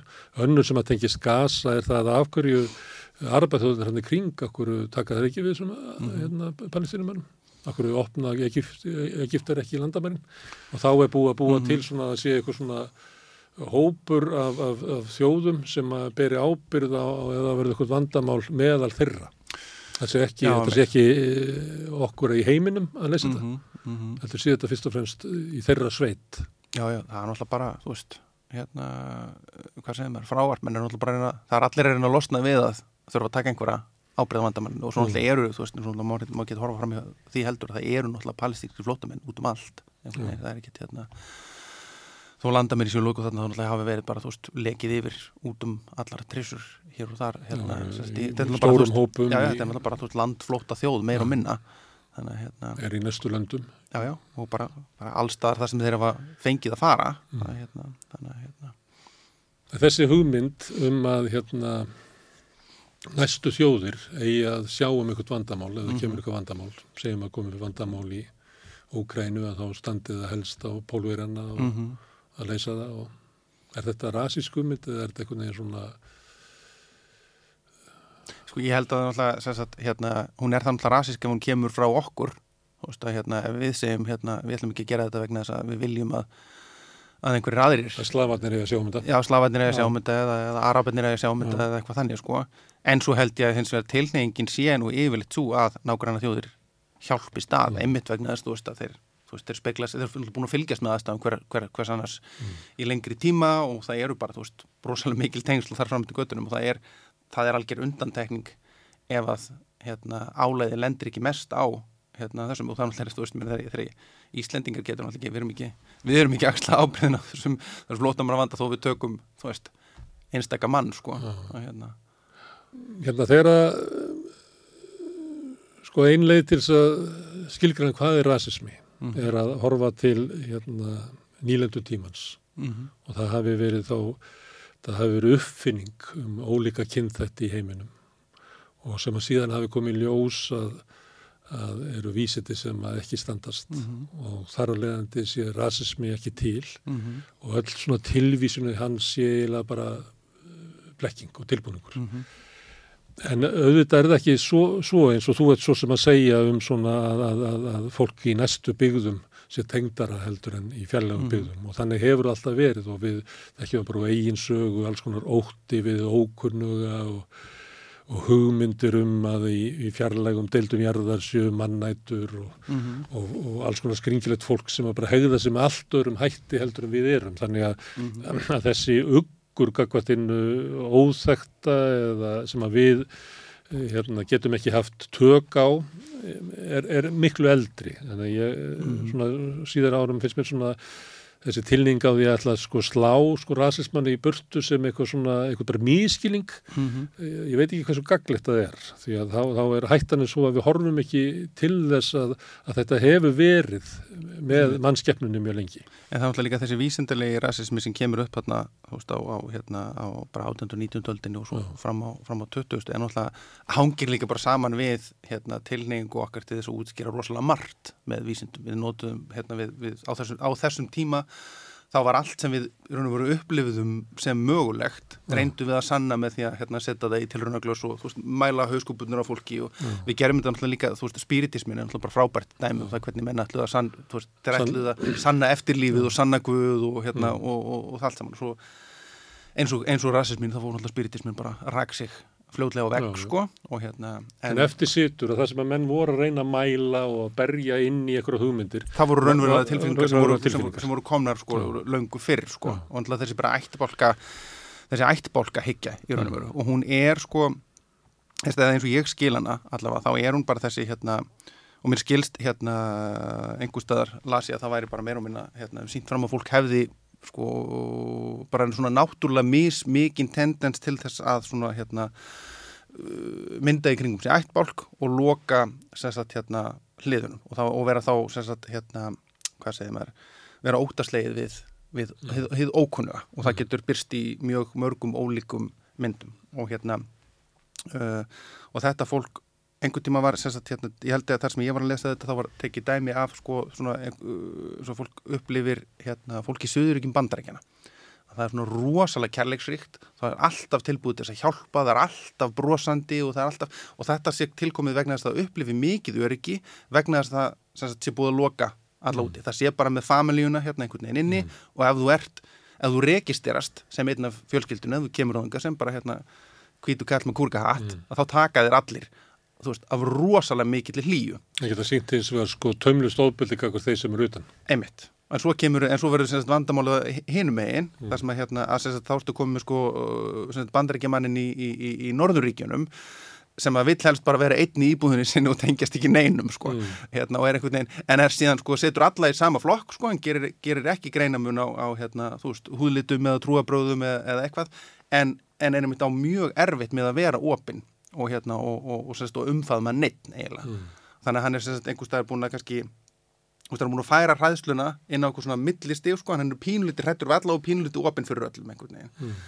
Og hérna, veist, þetta, þetta meikar sens í hausnum á mér, sko, allavega, hérna, og hérna, að þetta sé cirka bát svona sem það virki, að þú verðir, þegar þú ert með þessa hamingjusömu heilt þarna í Suðuríkjunum, að þá stendur þú svo, svo, svo harkalega vörðum hana, að hérna, að það einhvern og þeir finnst allt, allt sem ekki passar inn í hana ógnar henni svo mikið sko. Að, hérna, og þess vegna sagt, sprett upp þetta ofbeldi sko. Þess vegna getur haft þetta fullkomna tröst inn í hópnum. Já, En þetta er hvítur maður myndi aldrei gera þér neitt veginn, það er, það er upp Þetta er náttúrulega getur verið bara lýsing á sko já, Það vantar ekki hvað þeir eru, þeir eru til í að standa með þeir í kjönum sætt og súrt svo framalega svo snýðir þeir ekki í gegn hópnum. ég meina algjörlega, algjörlega og ég meina við bara þetta, þú veist alls konar svona hópar, við þekkjum þetta við getum bara, þú veist, En ekkert að segja þá að valkostinni séu þessi tveir, annars við búum við til múri kringum okkur og hérna höfum mennskuna innan dýra, eða við erum bara út á berangri. Nei, en ég er náttúrulega að segja, það sem ég Ein. er kannski að segja, við þurfum líka að leysa hitt, sko. Að sagt, ég, ég held líka að sagt, þetta, hérna, uh, þetta ástand norðuríkja mannsins sem við köllum það það bara, að, hérna, að, að það sé líka mjög óholt og ég held að sé líka mjög paranói veikjandi og ímislegt en fólk svona ítir því frá sér einhvern veginn og það dempar það, sko. En, en það leysir ekki kærleiks spurninguna, sko, menn þess að auðvitað, þú veist, þurfum við að geta borið, hérna, hérna, kærleiki brjósti hvert til annars, sko. En er þetta svona fyrirbrigði í, í samfélaginu sem við ættum að eh, svona hafa augun á, auðvitað að meta það hvort að auðvitað ekki stefna okkar sé rasíska, líka að skoða svona breytingar í samfélaginu út frá þessu. Eh, Þá til dæmis að, að viðurkenna óöryggi uh, aldraðs manns á hjúkurunaheimili þar sem að starfsfólkið talar ekki íslensku og hann er erfitt með að tengjast í eða ég hef nú stundu tekið dæmi af kannski fiskverkakonu sem að byrjaði að vinna á Granda fyrir 40 árum og var þar í kaffitímanum með öðrum fiskverkakonum og, og lifði þar í sko sínum heimi og fór svo upp í breiðolt í stegagangi sem en er núna kannski e- e- ein tveggja sem að, að hefur íslensku sem móðumál og þar eru konur frá Filipsegjum og Tælandi og Pólandi sem eru þar og svo fer hún upp í, breiðolt og þar er í stegaganginum eru kannski tvær eftir sem eru íslenskar, þannig að heim, heimurinn sem hún taldi sig verið að ganga inn í, Já, já. hann er eiginlega horfin. og honum hefur náttúrulega verið hann, Hann, hann hefur breyst, en, en ok, við sem samfélagi er erfilega, erfilega að, að tala um raunveruleika þessara konu, þessara ímynduðu konu. Mhm.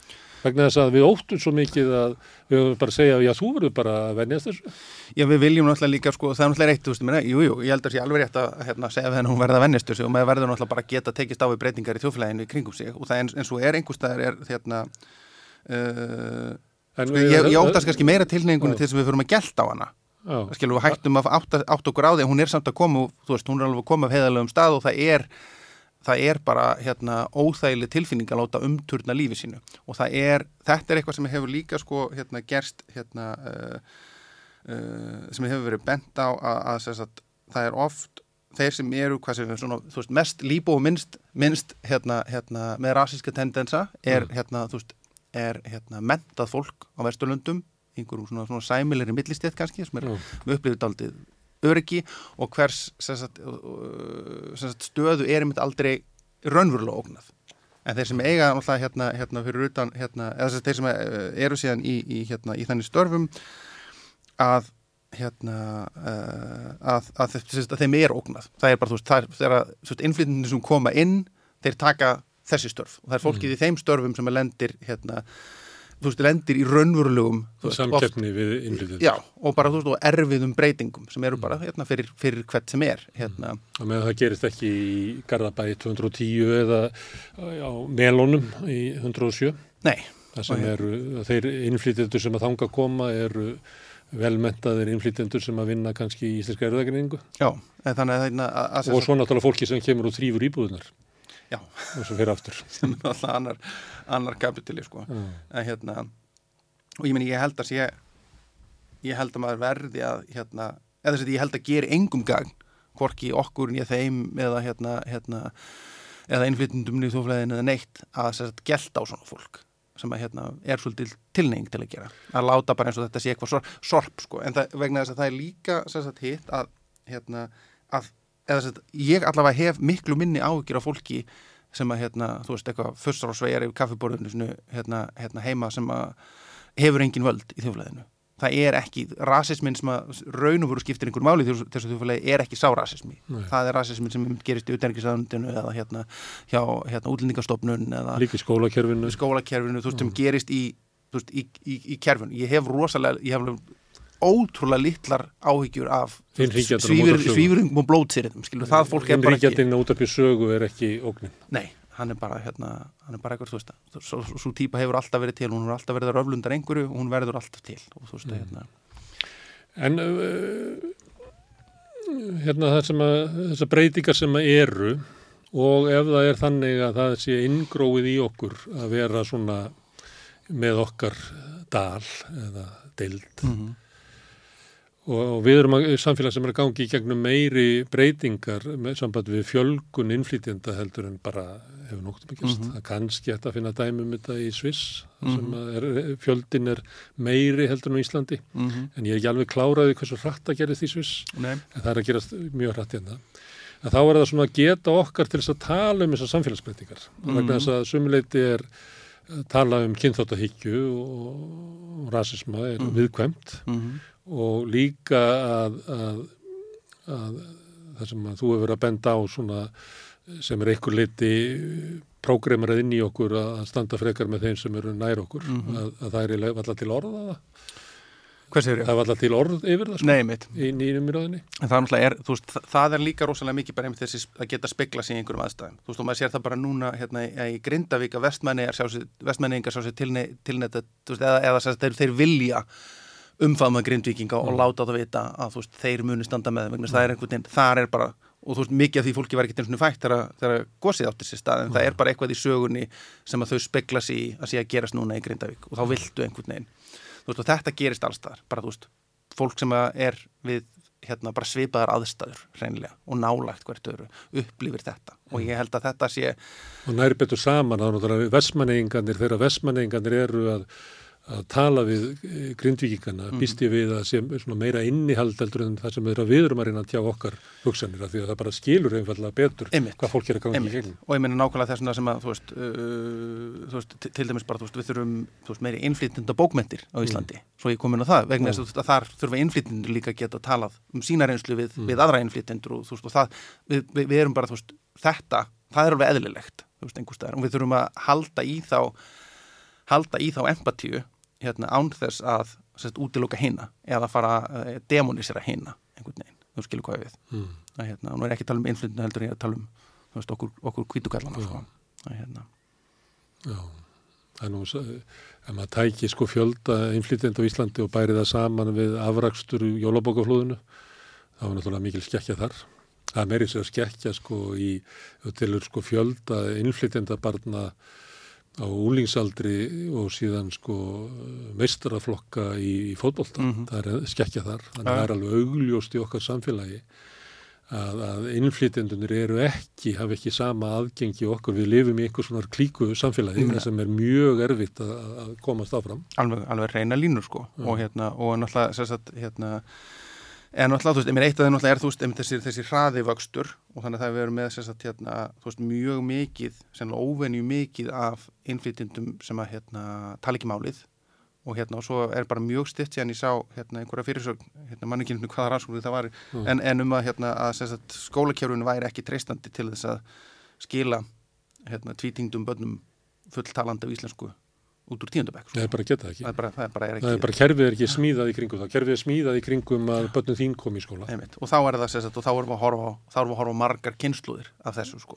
Að yfirleitt er þetta eitthvað sem gengur yfir þú veist, hérna, á einni kynnslóð það er einn svona hálf málga kynnslóð nú erum við náttúrulega með mjög stóra þannig kynnslóð á Íslandi vegna þess að, að sérst, það er svo mikið fólki sem er fyrstu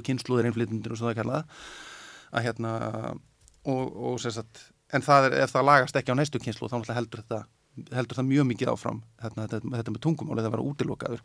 Og þá, þú veist, stöndum við frammi fyrir þú veist, þeirri ómögulegu spurningu hvort við ætlum að fórna tungumálunu eða fórna fólkinu, sko, eða skilur þú veist að hérna við erum, hérna við sem, sérstaklega fyrir okkur sem höfum litið á okkur sem nánast varðmenn þessa tungumáls í einhverjum, hérna, þú veist grandi og smenningalögum skilningi, sko, að við getum bara, þú veist, eftir 20-30 ár, það getum við bara þurft að horfa, horfa upp á það, ok, við þurfum kannski bara við þurfum kannski bara, það er kannski eina mannúðlega sem við getum gert, er að losa okkur við tungumálið, Bara alveg. bara alveg Mm. en þú minnir þú horfir að sko, það eru, veist, það eru, það eru sveitarfjölu á Íslandi þar sem hérna, meirhlut íbúið talar ekki íslensku Þá eh, sko að því að innflytjendur koma víðar að og fæstir frá enskumælandi löndum mm. og þá er náttúrulega ekki gefið að við ættum að taka upp ensku. Við tökum náttúrulega upp það sem að hérna, Það vinur er, það er eitthvað annarlegt við að Íslendingur og pólveri sem að, að, geta ekki talað saman. Skipti yfir í ensku. við náttúrulega hérna, það sem að gerist þar er náttúrulega það sem að hérna, hérna uh, vinur minn finska ljóðsköldi Levi Leto heitin hérna kallað alltaf barbariska ensku og saði verið stærsta sagt, hérna, tungumól hérna, jarðarinnar. Og hann skrifa hann alltaf, hann alltaf reyndar að vera fyrsti rítundur sem skrifaði á þessu máli. Sem bara, sem, er, sem er svona einhver vond milliríkja enska.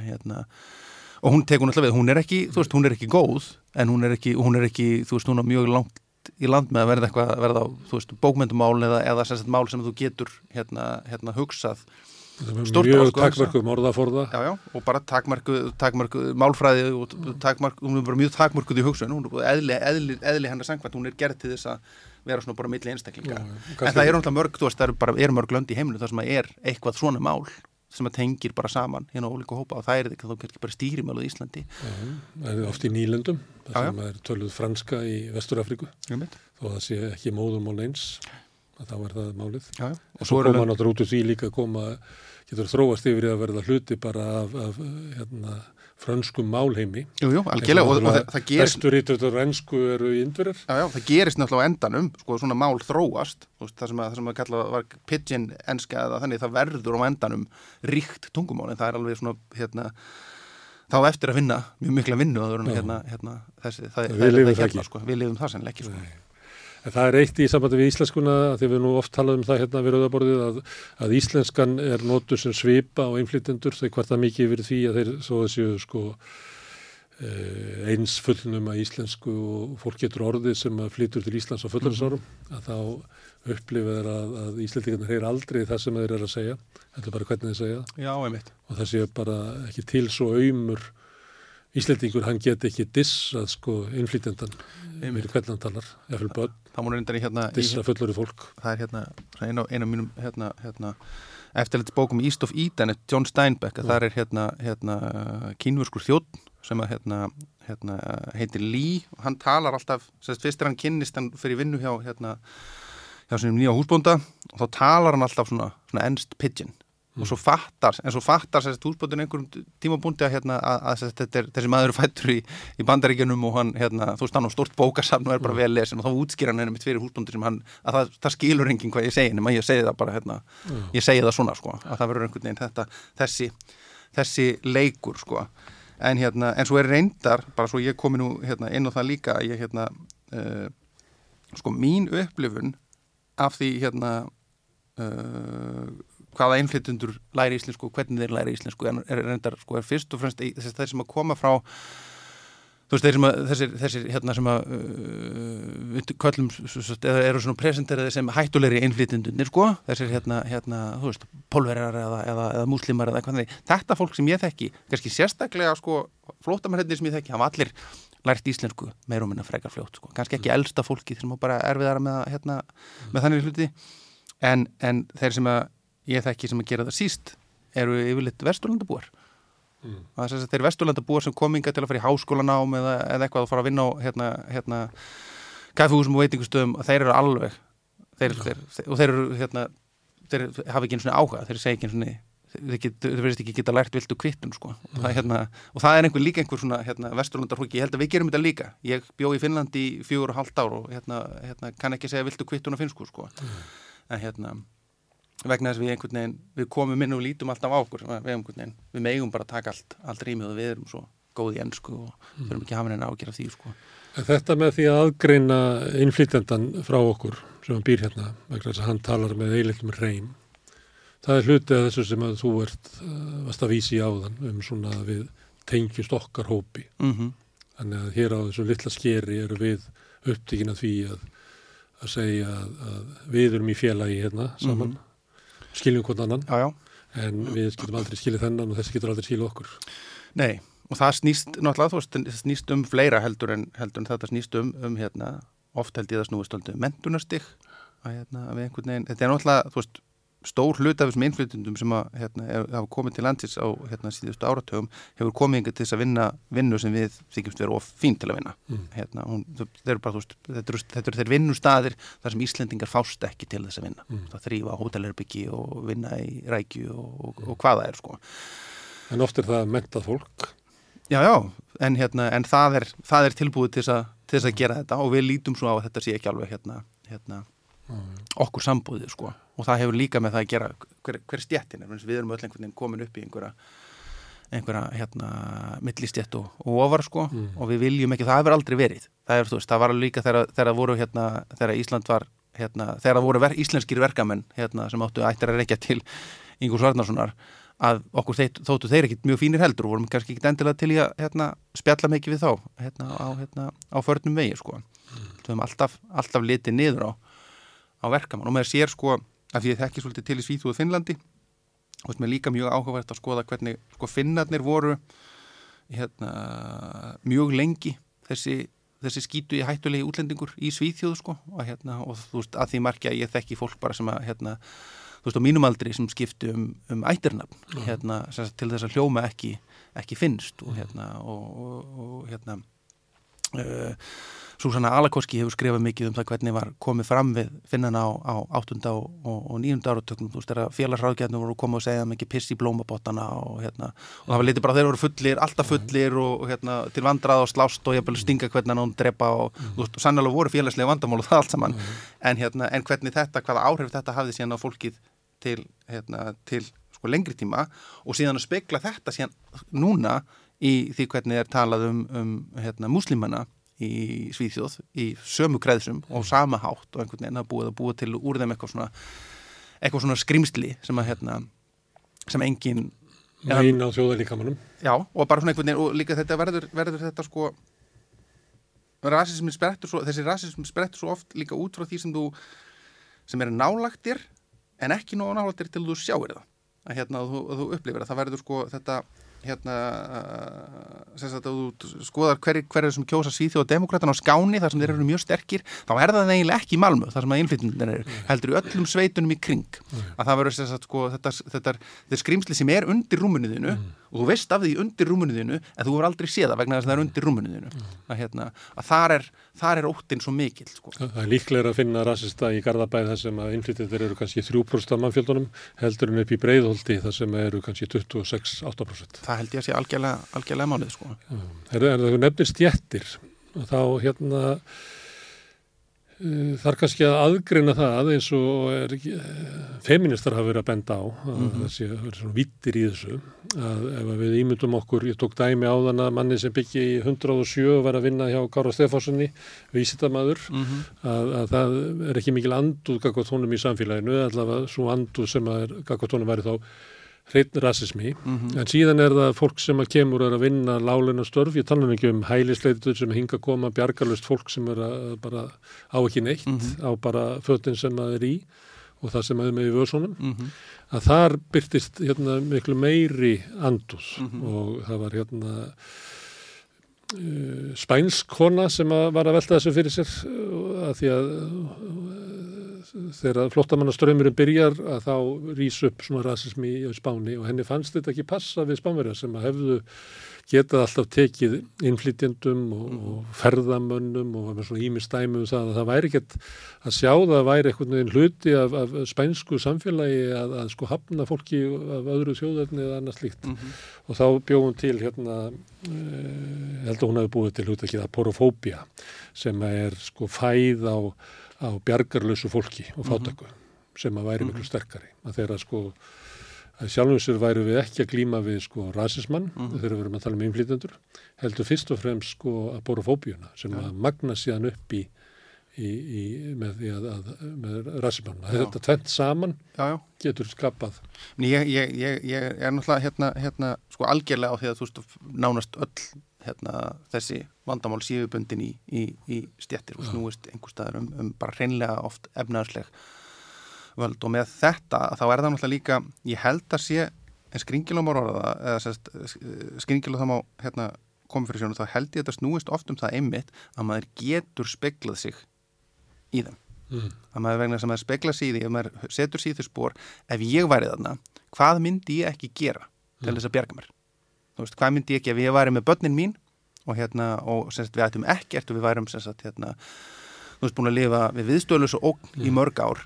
Hérna og ég semst hérna þurft að beita öllu mínu til þess að vernda þau og hérna koma einhvern veginn, koma okkur aftur í öryggi, þá er bara voðalega fátt sem ég myndi ekki gera. Mm. og ég held að við vitum það, ég held að þetta, þetta eigum við öll sammeilegt og þá aftur spyr maður sér, ok, er þá ekki ég í þessum spórum einhver sem ég þarf að óttast hvað geti þessi maður gert mér ef hann fengi tækifæri sko. að hérna þannig að, hérna eins og já Þetta þess... óttin við fátakamannin eins og er til dæmis í bandaríkjörnum svona óttin við svartamannin Já. er náttúrulega byggður á misréttinum og hvítimadurinn veit að svartimadurinn mun fyrir að síðar koma Já, og krefjast þess sem er hans. og hann veit að hann skuldar honum sko. hann veit að við erum búin að taka veist, við erum búin að taka til okkur hérna auðinn og við erum búin að taka til okkur völdinn og við, hérna, við vitum alveg við, veist, við, eigum, við áttum þetta ekkert skilið bara, veist, þetta... Það sé óttin við fátakamannin Já, bara hérna Þetta hann... sé ekki eitthvað svona miðaldarlegt svona fyrirlitning á, á fólkinu sem var hent út fyrir borgarmúrana á, á holsveiku fólki sem að geti smítað eitthvað, þetta sé ekki þannig, þetta sé þetta bara einfallega svona efnaðsleg hérna, sko, að, staða, óttin við þann sem allra koma og rukka þig Sem segja að það bara sé, sé fyrst og fremst stað þannig að ég held að hitt sé sannlega til staðar líka og ég held að mm. sé, hérna, hérna, þetta sé í mjög mörgum lögum og, og, hérna, mm. og, og sem sagt hérna marg þætt mm. en fyrst og fremst þá held ég að það sé einmitt þetta að, hérna, mm. að bara hérna og við einmitt þú veist þetta við, við treystum ekki fólki sem er í þessum aðstæðum vegna sem við myndum ekki treyst okkur sjálfum í þessum aðstæðum Gríðalegi fordómar á Íslandi hvert öryrkjum mm. og alls konar stereotýpur rata upp á svið já, já. og bíómyndir einmitt að sé allir að svindla og, og vegna þess að þú veist Welfare Queen já, sem er, á sér enga efnaðslegar sko fórsöndur eða neina sögu. Fengi... samt er það lifandi í minningunni og í, í bókvöldunum vegna þess að það er einhvern veginn líka ef þú veist ef ég væri fengið þú veist 90 90.000 í örkubótur á má, mánuði og ég sæi tækifæri til að svindla múr út 30.000 í viðbót með að hérna, þú veist, þá myndi ég bara alveg hyglust gera það, nú er ég ekki sækja neitt annar um að gera það, en þú veist, það eru bara aðstæðunar sem að, hérna, sem að fólk er sett í og hérna En það er ekki samfélagslega meini því að kannski samfélagslega auðvitað það sé að ef ekki þú helst ættir, mein sko- þó einhver fáið 30 skall í viðbót sem að þarf hann ef- sko. Me, Meinið er að 90 skallin sem hann fekk til að byrja með sko. Ef þú ættir 90 miljardar þá myndur þú beita öllum þínum bróðum til þess að komast hjá því að borga skatta. Já, og er það, það- er, það er raunin. Sko. svo, er, svo er það hitt sko. Það, hérna. Herðu, en þetta eh, með hérna ótt okkar, ótt okkar gagvart uh, því sem að við þekkjum ekki, mm uh, ættu við að ræ- ræða það svona, til dæmis vera að ræða um utarkistefnun að segja, jú, ég menna auðvitað er hún rasísk, hún er svona 30 rasísk, þannig að við ættum kannski að ná henni niður í 20 rasíska. Ættum við bara að tala um þetta. Já, já, það sama með hérna, innflytjendastefnuna og, og tala opiskott um þetta. Og ættum við kannski líka að tala opiskott um það að, að, að sá sem er alin upp í, í okkar heimsluta Mhm. og líklega hvað sem er í heiminum, hann er náttúrulega uppfullur af allskis fordómum og þannig Mhm. það er ekki þannig að það séu til rasistar og ekki rasistar heldur eru Mhm. við eiginlega öll eitthvað starf á þessu litrófi og Já, já. til þess að hafa sem minnsta uh, láta rasismann og borofóbíuna stjórna afstöðinni að það, það er mikið púl Sko ég held hann þetta líka að það sé ágætt að hafa í huga að sem sagt, hérna, yfirleitt þegar það eru gerðar skoðanar kannanir til að skoða hvar fólk stendur í hinnum ímsu af þessum liberal málum Já. þá reynist fólk vera miklu frjálslindra heldur en kerfið sem það lifir við hérna sem, sem slík vegna þess að- vegna þess að þessi ráðakerfinu eru rasískari í fjöldin Já og við einhvern veginn, við, ég held að sé líka vegna að við setjum þetta ekki, þegar að koma kostningar eða þegar kemur, hérna, þá, er verður þetta aldrei aðalatriðin. Okkur hefur ekki tekist að gera þetta, okkur tekst að gera þetta svona eitthvað agenda á Facebook eða, eða einhver svona, hérna, sexy mál til að tala um sko millikostninga eitthvað sem að, þú veist, hérna, hérna við getum tekist á um, en okkur tekst ekki að gera þetta eitt af svona kjarnamálunum þegar það kemur að bara, þú veist, þessu, þessari realpolitika kjósa fólk. Þegar þú kýst út frá eigin hagsmunum en ekki hagsmunum hérna, Já, og þá end- og þá endum við alltaf í einhverjum, hérna, einhverjum öðrum hérna, uh, málum sem sagt, hérna, Eða engum málum, er ekki bara best að kjósa einhverjum málum já, já, en það var einhvern veginn, þú veist, minnum að sér til dæmis einhvern veginn hvernig, hvernig fólk getur verið. Og þú veist, eða gat einhvern tímann alltaf að rifist mjög mikið um NATO eða, þú veist, innrásinni í Írak eða eitthvað, og milli kostninga, en svo strax þú komið kostningar, það var eins og það hefði ekki verið neinn innrás í, í Írak, það hefði ekki verið neitt persóflóstri, það var bara ekkit rætt þegar voru kostningar, og það hefði verið kannski það sem að brann heitast á fólki á milli að þá einhvern veginn varð það ekki að nein, það sem er hérna held ég verkefnið þá núna er að flytja þetta frá því að vera eitthvað sem við hérna, hérna ræðum um millikostninga á, á, á Facebook og, og, og svona hérna, hérna debatterum bara þannig um yfir í það að vera eitthvað raunverulegt sem að veist, kallar á alvöru stefnubreitingu sem, sem er ekki bara mikilvægt, heldur líka áriðandi. Já, og, hérna, og sagt, það sé eitthvað sem að hérna, og vegna þess að ég held að við viljum það miklu fleiri heldur en sjáum á af, af þeirri stefnu sem er rekin sko. ég held að hérna, alveg óurlega mörgum hérna, blöskri til dæmis hvernig er farið með hælisleitundur og hérna, Það hefur komið fram í konunum. Það hefur líka komið fram í konunum að afstafa þjóðarinnar var önnur heldur en stjórnvalda í upphafi átakana í já, Það sem að auðvitaðriksráður að gaf eiginlega eins og margir sögðu bara að Ísraels hefðu hérna, bæði, bæði rétt og skildu. já, og við, þú veist bara við, við fólkið þurfum að ná þessum kontakt við stjórnmálumennina til þess að breyta þessu. Það er bara algjört leikilatrið Annað sem að er, sem að er í samfélaginu sem að maður er að velta fyrir sér að það eru, það eru svona glæpagengi. Mm og þú vitnaðir þarna til finnana í, í Svíþjóði, ég veit ekki hvort að þeir voru með glæpagengi við þekkjum að bara í gennum söguna þá eru oft þeir sem að, hérna, komast ekki inn í samfélagir og jæðrið þeirra eru náttúrulega líklegri til þess að, að búa sér til atvinnu Mhm. á, á, á jæðrinum og, og það á við um innflytjendur og við nefndum mafíun á þann og það er náttúrulega frekt dæmi um, um ítalina í, í Mhm. í bandaríkjónum en þar voru líka aðrir hópar sem ekki voru brettar eða þjóðverjar eða skandinavar að það voru til hérna mafjur geiðingana og svo Já, já. Póertoríkana og alls konar mafjur. Við erum með hérna og, og, og þegar um, koma fréttir af þessu að þá er þetta oft fólk sem er ekki eins og við, ekki meðaldar kviti kallar heldur uh, fólk af erlendum uppruna Mhm. en alls ekki innflytjendur í nefni merkingu. Mhm. Oft er þetta piltar sem að er, er, er með annað fóreldriður íslenskt Mhm. en hitt er erlend en einhver þetta vegna eru líklegri til þess að, að bara upplifa einhvern veginn að þessi lokað einhvern veginn samfélagið Já, og búa sér til veruleika þarna á markunum. þeir átt að segja náttúrulega allast upp og átt að segja að þeim hefur verið hérna, Það standi ekki sömu dyr opnar og fyrir þig. nei, þeim er bara fyrir, þeir eru fyrirmuna líka reist það er Já. ákveðið svona, þeir, þeir meiga ekki hérna, hafa reist, þeir eru ganga um og þeir, þeir eru teknir, þeir, þeir get ekki fengið að vera Íslendingar, þú veist, get ekki fengið að vera við Já. og þurfa að vera hérna hinir en upplifa sem náttúrulega, þú veist, finnst það fyrsta leið ósangjant og það sem er rosalega mikið held ég í þessum einmitt, í þessum gengjum og maður sér það, þú veist, að það er ekki einu sinni, þú bara, þú veist, hérna maður, maður þarf alla að opna augun fyrir því að sjá bara hvernig, hvernig fólk ber sig. Skilur sem að menn sem gangi gengi þeir bera sig svona vegna þess þeir eru svo sem ber sig svona eins og hanni Já. hann er að leita rest. Hann er að leita að virðingu sem hann fær ekki hérna annars. Og hérna og það er náttúrulega hangir líka saman við hérna, hérna efnaðin en ég held að efnaðurinn sé ekki leikilatriða sko. Þó að hérna menninir í gengjunum yfirleitt þéni betur að þá er það líka sem sagt hérna þá er það, hvað getur sagt hvernig, hvernig sem sagt svona gengismeðlumur, það geta þetta einlega meira frá svíþúð heldur en hérna sko. Hvernig sem sagt hérna hvernig þeir eigða peningunum sem þeir þjána Mm. að sem sagt það verður svo, hann er svo þetta sem er kallað svo, svona conspicuous hérna wealth, að sem sagt að, að, það, það, það þarf að vera svo sínilegt Það er er eins og rappararnir gera. nákvæmlega. Og hérna, og bara þú veist, kaupa flottan bíl vera með, þú veist, geggjaða úrið geggjuðu skóna, geggjaða, þú veist, allt einhvern veginn. Og það kannski færið allir peningarnir inn í þetta. Og hérna, og það myndi engin, þú veist, þegar þú þart þess ekki þá gerir það, veist, fólk sem er, sem er alið upp í efri millistétt og gæti eitt öllum peningunum sínum og, og hérna þú veist, gengi með Rolex hérna, það gerir það ekki.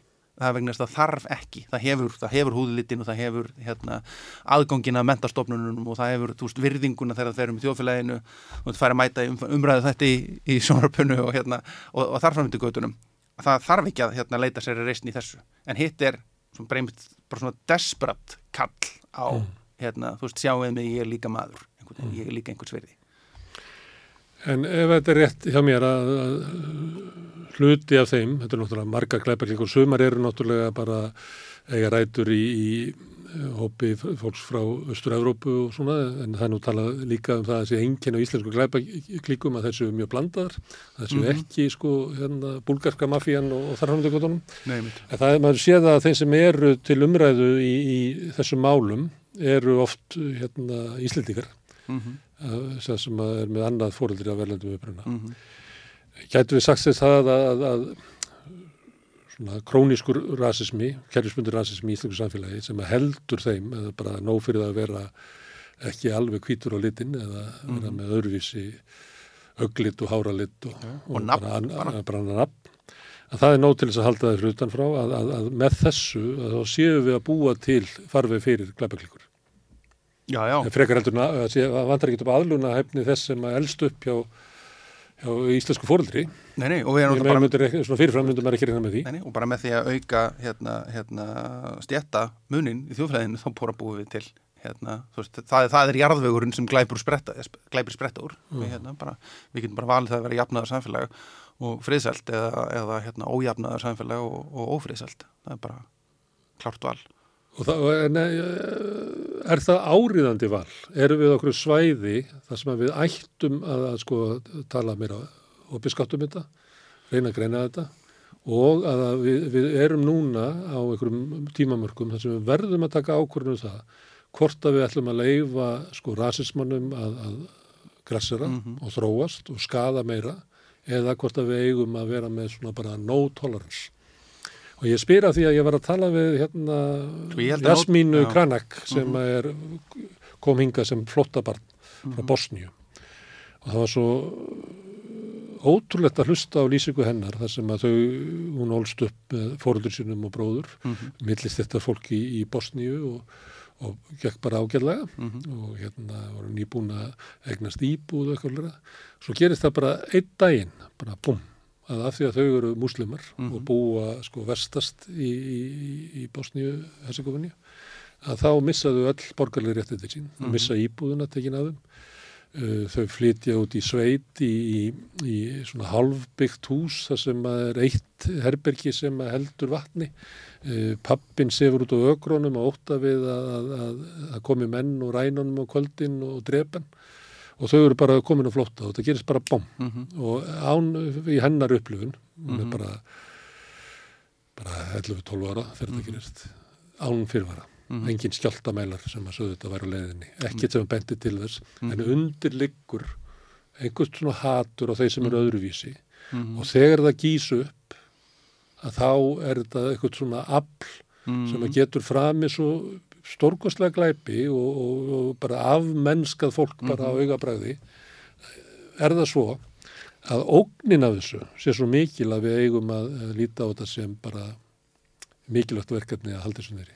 Svo já, ég hef kannski ekki sérstakar áhyggjur að það sjóði upp úr á þennan máta sem þú ert að lýsa. En hins vegar þá er sko sagt, þessi langvarandi harmur sem er bara orðin stað, staðrind á Norðurlundunum, hérna þar sem að sagt, það eru orðin, þú veist, þetta, þetta, þetta rosalega stjættskipta samfélag sem að bara til dæmis svíþjóður orðin, hérna, að honum fylgir bara, hérna, þú veist, þó það sjóði ekki upp í svona, þú veist, í stýttir tíma að verði styrjöld, að þá er náttúrulega bara, hérna, þú veist, honum fylgir raunverulegt ofbeldi, honum fylgir raunverulur harmur og hann er viðstuður laus og ég hef eiginlega, ég held að til, sko, þegar til lengdarlætur þá sé það þannig, hérna, og þannig var það náttúrulega líka, hérna, hérna, í þessum samfélagum áður en að sögð upp úr og þú veist, við gætum endað á þeim stað sannlega, en fyrst og fremst þá er, hérna, það sem við þurfum að hafa ágjörða núna er að við sem, hérna, ekki kannski að stefna í borgarastyrið, ég er ekki að meina það, en, hérna, en að við séum að gera bara þú veist þjóðfélagi sem við lifum í óþólandi, mm. við sem að gera það óöryggis þjóðfélagi, þar sem að hérna, hérna, við treystum ekki hvort öðru og þar sem við erum hérna, hérna, komin á einhvern, hérna, hvað segir maður? Já, þú veist, bara við sem að búa til óþólandi samfélag sem er raun og veru enginn vill búa í. Veist, við, hérna, það er svolítið þang, þangað sem við stefnum og það er, það er stjættskiptingar samfélagið. Hérna, sem að, þú veist, og þetta hefur náttúrulega, ég, ég ætla ekki að detti þó kleysi að halda því fram að Ísland hafa, hafi verið eitthvað óstjættskipt en þetta er bara versna svo rosalega mikið hérna, og það er bara, það er bara þungt þú veist, það bara, þú veist, það er ekki gott þjóðfélag fyrir, fyrir, hérna, fyrir börnin mín og, og hérna, barnabörnin og þá sem þurfa að díla við það meira heldur en sko, hérna ég Og við erum komin langt inn í þetta, það er líklega meirinn helmingurinn af, af verkalýðnum, þessum er að vinna ófaglir störf, eru innflýtendur, án kostningaréttar, já, og það er líka hafi ekki sumu borgarlegu réttindin. Einmitt, og það er líka það tekur svo langan tíma að vinda þessu, þetta er eins og með, með, hérna, með loftslagsbreytingarnar, þú veist að jafnvel þó við byrjum að hérna, stefna í rétta átt núna að þá munir þetta halda fram að versna næstu 10-15 árin sko. Mm. þetta er bara hérna, þetta er þannig vandi, þetta er bara skip sem að er hérna, sem snýr, snýr, snýst mjög hægt sko. Mm. Er þetta verkefni stjórnvalda, aðgerðar áallum stjórnvalda til þess að, fyrirbyggja hérna, e, hérna kynþáttahyggju? Eða er þetta menningarlegt, er þetta andlegt það sem við hvert um sig þurfum að sko horfast í augu við okkur sjálf hvað, á hvaða leveli uh, hérna lækna samfélagsig. Ég held að það gerist, gerist náttúrulega fyrst og fremst með einhverju sagt, með vilja og með stefnu. Það þarf, sá sem að heldur í stýrið á skipinu þarf að snúa því sko. En hérna, En ef hann hefur ekki áhuga á því vegna þess að ég, eins og dæmi sem ég tók áðan að sko stæðstu hluti þeirra sem að, að uh, ástandi bitnar harðast á hafi ekki svona kostingar Nei, nei, nei, nei, það er náttúrulega rétt. Minna, en, en, en, hérna, en það, þú veist, við þurfum að, við þurfum að þrýsta á skipstjóran það, er- það er bara þar sem, að, þar sem það gerist en ég held að sagt, uh, þú veist, þetta andlega og, hérna, og þetta, þetta hérna, uh, sáhluti hann fylgir á eftir svolítið, sko, að það verður einhvern veginn hvað er og, og, og hugsa til dæmis um hérna, hérna, þú horfir á gamlan umræði þátt í sjónvarpi og hvað verður, hérna, hvað verður æbandi, hvað fjárverða kvenna verður alltaf mm. æbandi í einhverjum umræðu þáttum sem eru, þú veist, kannski þú veist, 20 ára gamlir eða eitthvað. Að hérna, þú veist, þú, veist, þú, þú kannski síðast umræðu þátti þegar þú voru í sjónvarpinu og þú veist ekki dettur þessu en hérna, en svo sem sagt, og það, það þurfti en það þurfti handvirt skilur, það þurfti bara að handstýra því að það væri, hérna nú setjum við bara, nú setjum við skilur um það að það sé hérna meiri fjölbreytni í, í, hérna, í þessum sjónvarstátum og, þar, og svo verður, og þá blasir það við auðvitað eftir á, og það er sama með þetta við þurfum bara handvirt að taka fólk meira inn það er náttúrulega eitt sko og, hérna, og hitt er síðan sem er bara held ég algjört líkilættir og það er líka bara vegna þess að við erum eins og ég nefndi það, það eru við líka varðmenn þessa tungumáls að við þurfum bara, hérna, fólk þarf að fá rými og aðstæður hérna, og, og, og hérna, bolmagn til þess að læra þetta tungumál. Þú nefnir gamla sjónvastætti, umröðu þetta. Það er hérna þegar að hommar voru að koma fram fyrst í samtökunum 78. Voru, hommandi voru mun vera áberandi fyrst að, áður en að lesbjörnar svona verður sínilegri. Þá var umræða um, um þeirra mál og þá var það alltaf þannig að, að það var einn hommi, hann kom Mhm. í umræðu þátt. Svo á mótunum var einhver úr, úr hérna, krossinum. Já, einmitt, já. Já. Já, Það, já. þannig það, það voru hugmyndin um, um umræður Já, já. Og það sem ég er velta fyrir mér að þegar við erum að ræða um svona uh, rasisma og kynþáttahyggju og áhrif á Mhm. samfélag okkar að þá hættir okkur oft til þess að stilla hlutunum einhvern veginn upp svona að við erum að finna við erum að finna, finna mesta fýblið til þess að hafa þarna sem við Já. borðum líka. Svo ég, ég er ekki endilega vissum að það sé svo vittlust, sko. Vegna þess að, að, að, Þú veist þá innríkjandan á útarfið sögu þú veist, upp að einhverju marki, þá held ég að samt, samt mikilvægt að halda, þú veist, bara, þú veist, þeirri samræðu opinu vegna. Þess að annars ertu líka að loka öðru herbergi, þú veist, búið, búið til einhvern böngar út í hotni og þú veist líka að sagt, sko, sagt, einhver sem er búin að vera með þessa rödd í haustum á sér, hann kannski sér hana í sjónvarpinu og svona, já, hann er nú kannski meira fíblið sem öður en ég held, sko, eða þessi rödd er kannski ekki hérna, hérna gáfuleg og, og ég held, sko. Já, að þá hérna, og það, það getur bara verið líka mikilvægt skref til þess að stíga, þú veist, út úr svona, hérna, svona rugli og ég held að við séum svolítið uh, þú veist, sem samfélag og þú veist bara, sennilega öll vesturlönd svolítið gjörnæmið að vera bara, vera bara búin að búa til einhverja böngar þar sem við erum ekki að tala saman. Og hérna, og ég vil höfum bara svona viðbjúð hvert og öðru einhvern veginn.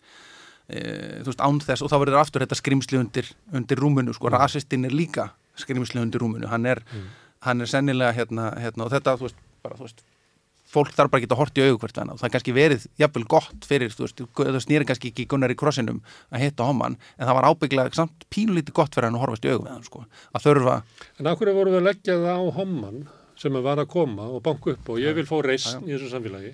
Af hverju voru að láta hann þurfa að gangi í gegnum þennan mann? Af hverju þarf hérna sá sem að er blokkur á hörund eða múslimutrúamenn að hitta einhvern stjörnugalinn mann sem að, að getur ekki talað um frelsisbaratu palestínumanna en fyrir að tala um, um unga börn í, í bakarópnum og, og ætlast til þess að hann beri ábyrð á þeim gjörningi. sko hann ber ekki ábyrða á honum en hann, það er kannski, þú veist það er ímislegt á sig leggjandi í, í pólitískri baratu mm. og það er kannski ekki það versta sem að maður lendir í að, hérna, að þurfa að takast á við fólk sem er hérna, fullt af einhverjum ránkvöngmyndum og jafnvel heift sko. að, hérna, og ég held að hérna, mikið af því fólki sem að stendur þá vakt að í þeirri baratu sé eiginlega hvort þið er það heyri svolítið mikið í þessu fólki hvort þið er sko. að, hérna, að þannig að það er kannski ekki ég er ekki eins og vissum það sé svo mikið auka álag en þú veist, en að því sögðu þá náttúrulega hérna, held ég hérna, að ég síni alveg skilninga það sé hérna, álag og leiðinlegt og, og jáfnvel upp að einhverju marki ömulegt Já. en það sem ég var Og, fyrst og og málið sjálft kennst stundum ekki að daskra út af þessu. já, já, og að- meina, oft, oft geltir náttúrulega fólk sem er ósamála Já, hvort þau eru bara hvert og annað sko, Þeir en, eru, en markmiðið er náttúrulega samt að reyna að fá fólk til þess að mætast og það er einhver, staðar, einhver þáttastjórnandi sem á að sitja á milli Mm. og reyna veist, að finna staðin þar sem er hægt að eiga einhvers konar samræð þó hún sé Mm. Takmörkuð og við getum svona þokast eitthvað þannig að sá sem upplifi sig sem málsvara humanisma mm til að tala gegn rasisma eða, eh, eða bara fyrir frelsisbaróttu palestinumanna. að Hann þurfa að sætta sig við að fá svolítið gælt á móti sér. Ég held að, að uh, þeim, Mhm. uh, þeir upplifa sig að það sé vera gælt á þá. Sko. Þeir, eru bara, eru að bóða hérna, kærleika meðal manna.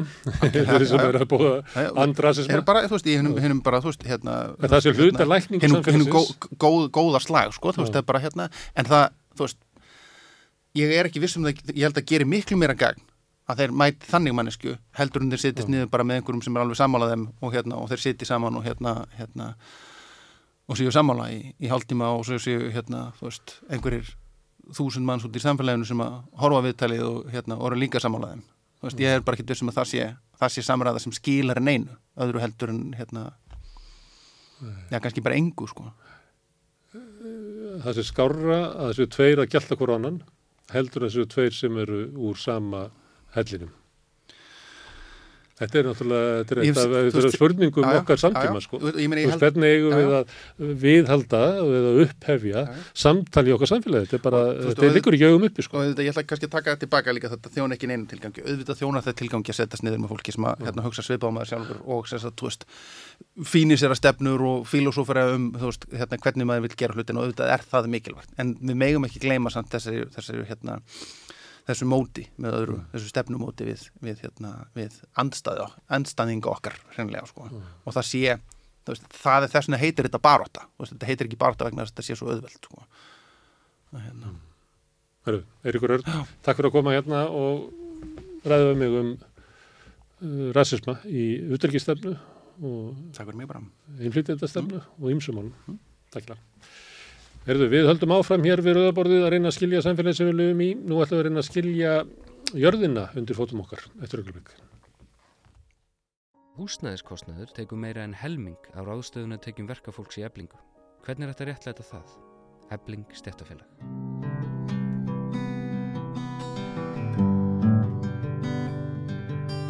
Já, við erum komin á svona eða nýtt tímabil. Það eru Reykjanes eldar eru byrjaðir eða byrjaði fyrir nokkrum árum eldar en kannski eru atbyrðunir í, við Grindavík sem að minna okkur rækilega á það að, að, að það sem hefur verið vitað að, að mundi skella á uh, er byrjað. Og til þess að glögg okkur á þessu breytingum er hinga komin uh, Ari Trösti Guðmundsson, velkomin jarfræðingur mikill jarfræði kennari Var það um tíma, já, Já. Kend, kendi ég að um tíma, já, það langt síðan reyndar, það var nú mentaskóla stíð og svo, svo tók, ég, tók ég aðeins í landbúra háskólanum já, En látum það nú vera. já. Það en er- ég var að nefna því sem kennara vegna þess að, að þú ert svo góður í frásögn það er, svo, það er svo gott að heyra þig lýsa hlutum Sjáum til hvernig Já, það já. hefnast núna. Herðu, en þetta, kannski í fyrsta lagi, þá hérna, hefur þetta verið vitað að þetta vofði yfir að fyrr eða, fyrr eða síðar eða bara um, já, menni voru kannski, ég myndu segja, kannski fyrir 20 árum, hefur sagt að innan 100 ára myndi þetta byrja. Já, ég hef nú sennilega farið næri bara, en, en allavega þá, þá er þetta uh, mjög skýst ef við tökum bara síðustu 5-6 þúsund ár góðsöguna á þeim tíma. Þá eru þetta sveiflur sem eru mjög greinilegar og það líða svona, við skulum segja meðaltali 750 ára á milli toppa og uh, þær standa yfir í meira heldur en eina öld, tvær aldir.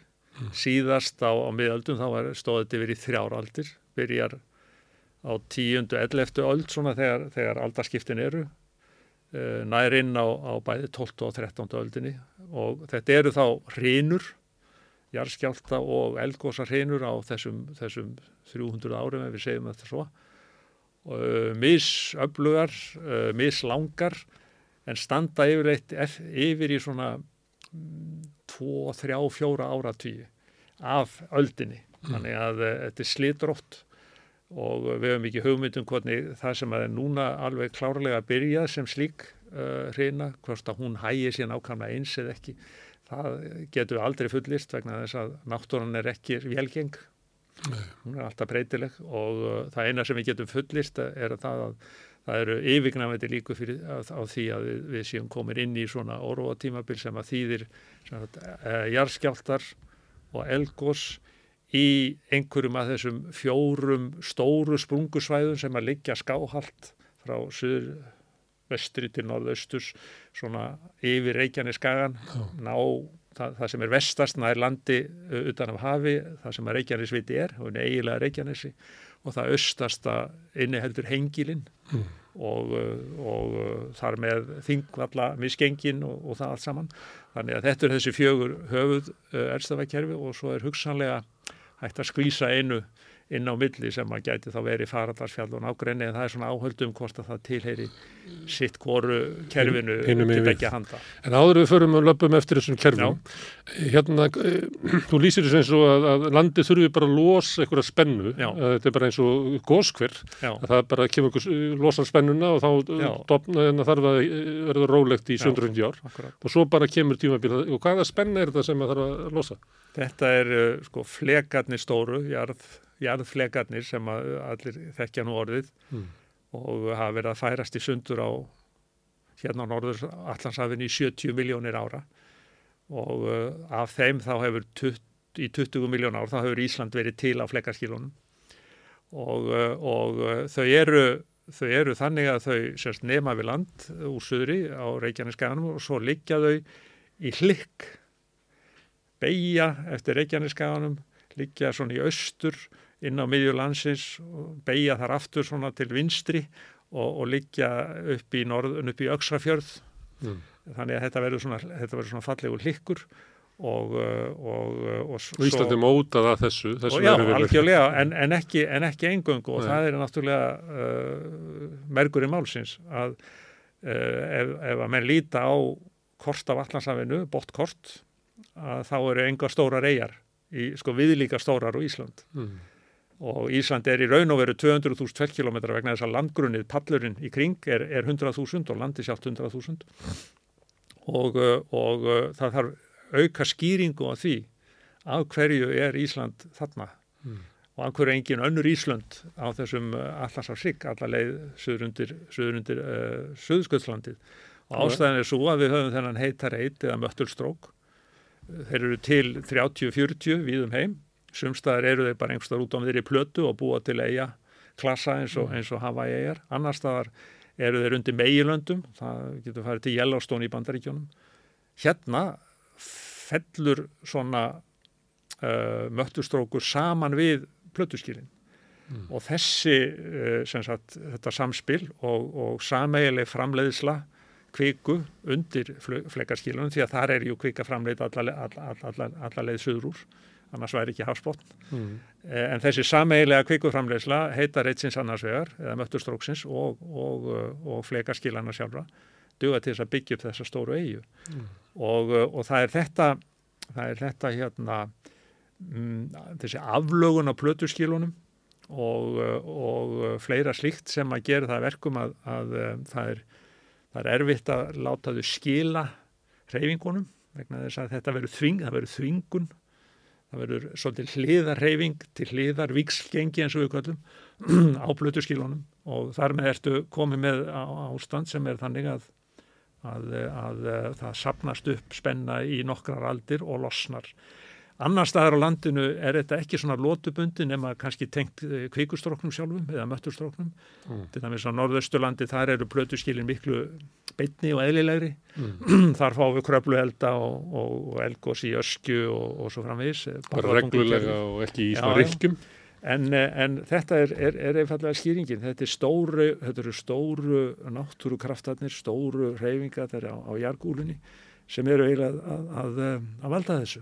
En heiti bletturinn, eh, færist hann, eh, hérna, er, er Snæfellsnes gamalt Reykjanes og gæti orðið til nýtt Reykjanes frá Eyjafjalli jökli Já, út á það er, Surtsey? það er að, að vissu leiti en, en, en uh, það er nú ekki alveg svona einfalt vegna þess að möttustrókarnir eru taldið kyrstæðir og uh, þá er spurningin uh, af, hverju, af hverju var hann einu út í Grænlandi því að þessi möttustrókur við getum rakið hann frá sem sagt bara tökum, tökum ákveðið frá, frá diskosvæðinu á vestustrónd Grænlands, við getum rakið fyrirlands undir Grænland uh, upp aftur uh, í nágræni við Skorisbysund og, og svæðin sem eru hérna norður af Íslandi.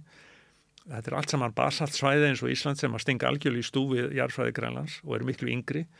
Og svo uh, er hryggur, neðansjáa hryggur sem tengir þetta Skorisbysund svæði við Ísland. Þannig að það er alveg augljóst að það er far eftir þennan, þennan hérna, heitar eit, hann hefur þá virkur, verið virkur í, í 20 miljóna ára. Og ástæðin er svo að og það er svolítið erfitt að lýsa þessu um leið og plötunar og leiðin í sundur þá hnikast þær í norðvestur í leiðinni. Þannig að er, þetta plötukerfi er einhvern veginn að snúa upp á sig uh, á þessu deiga lægi sem er efst í möllinum skorpan og pínlítið hluti af möllinum þetta er svona eins og maður sé með appilsínu og maður geti, maður geti ekki bara eh, skorið í hana og hreift bitana í sundur heldur við getum að snúið berkinum utan á appilsínunni ör, örhægt. Og uh, það er skýringin á því að á þessum 70 miljón árum eða hvað það nú er þá hefur uh, uh, heiturreiturinn eins og sýnist eins og heiturreiturinn hafi fæst sig frá vestustönd Galænlands til Íslands. En í raun og veru þá er plötukerfið að hreyfa sig yfir hann. Og það sem að mun þá sennilega gerast er það að, að uh, það eru austfyrirðinni sem vakna. Sem að, sem að vakna. Sem að vakna til lífs og verða eldvirkir á ný. Vegna þess að, að, að reyfingin er í norðvestur og, og það er þá líklegt að, að heitir eiturinn hann uh, sem sagt eins og hann sýnist færa sig í austur já, þannig að, að en, en í raun og veru er það plötukerfi sem er að færast yfir hann.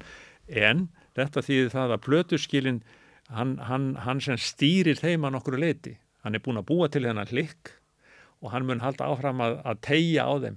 Þannig að, að þetta mun orsaka mjög miklar breytingar á jarfræði Íslands sérstaklega austur hluta landsins þegar fram í sækir en, en þá er ég að endur taka það að þetta tekur miljónir ára þannig að við þurfum engar áhyggjur að hafa þessu sem, sem, sem mannkinn Nei.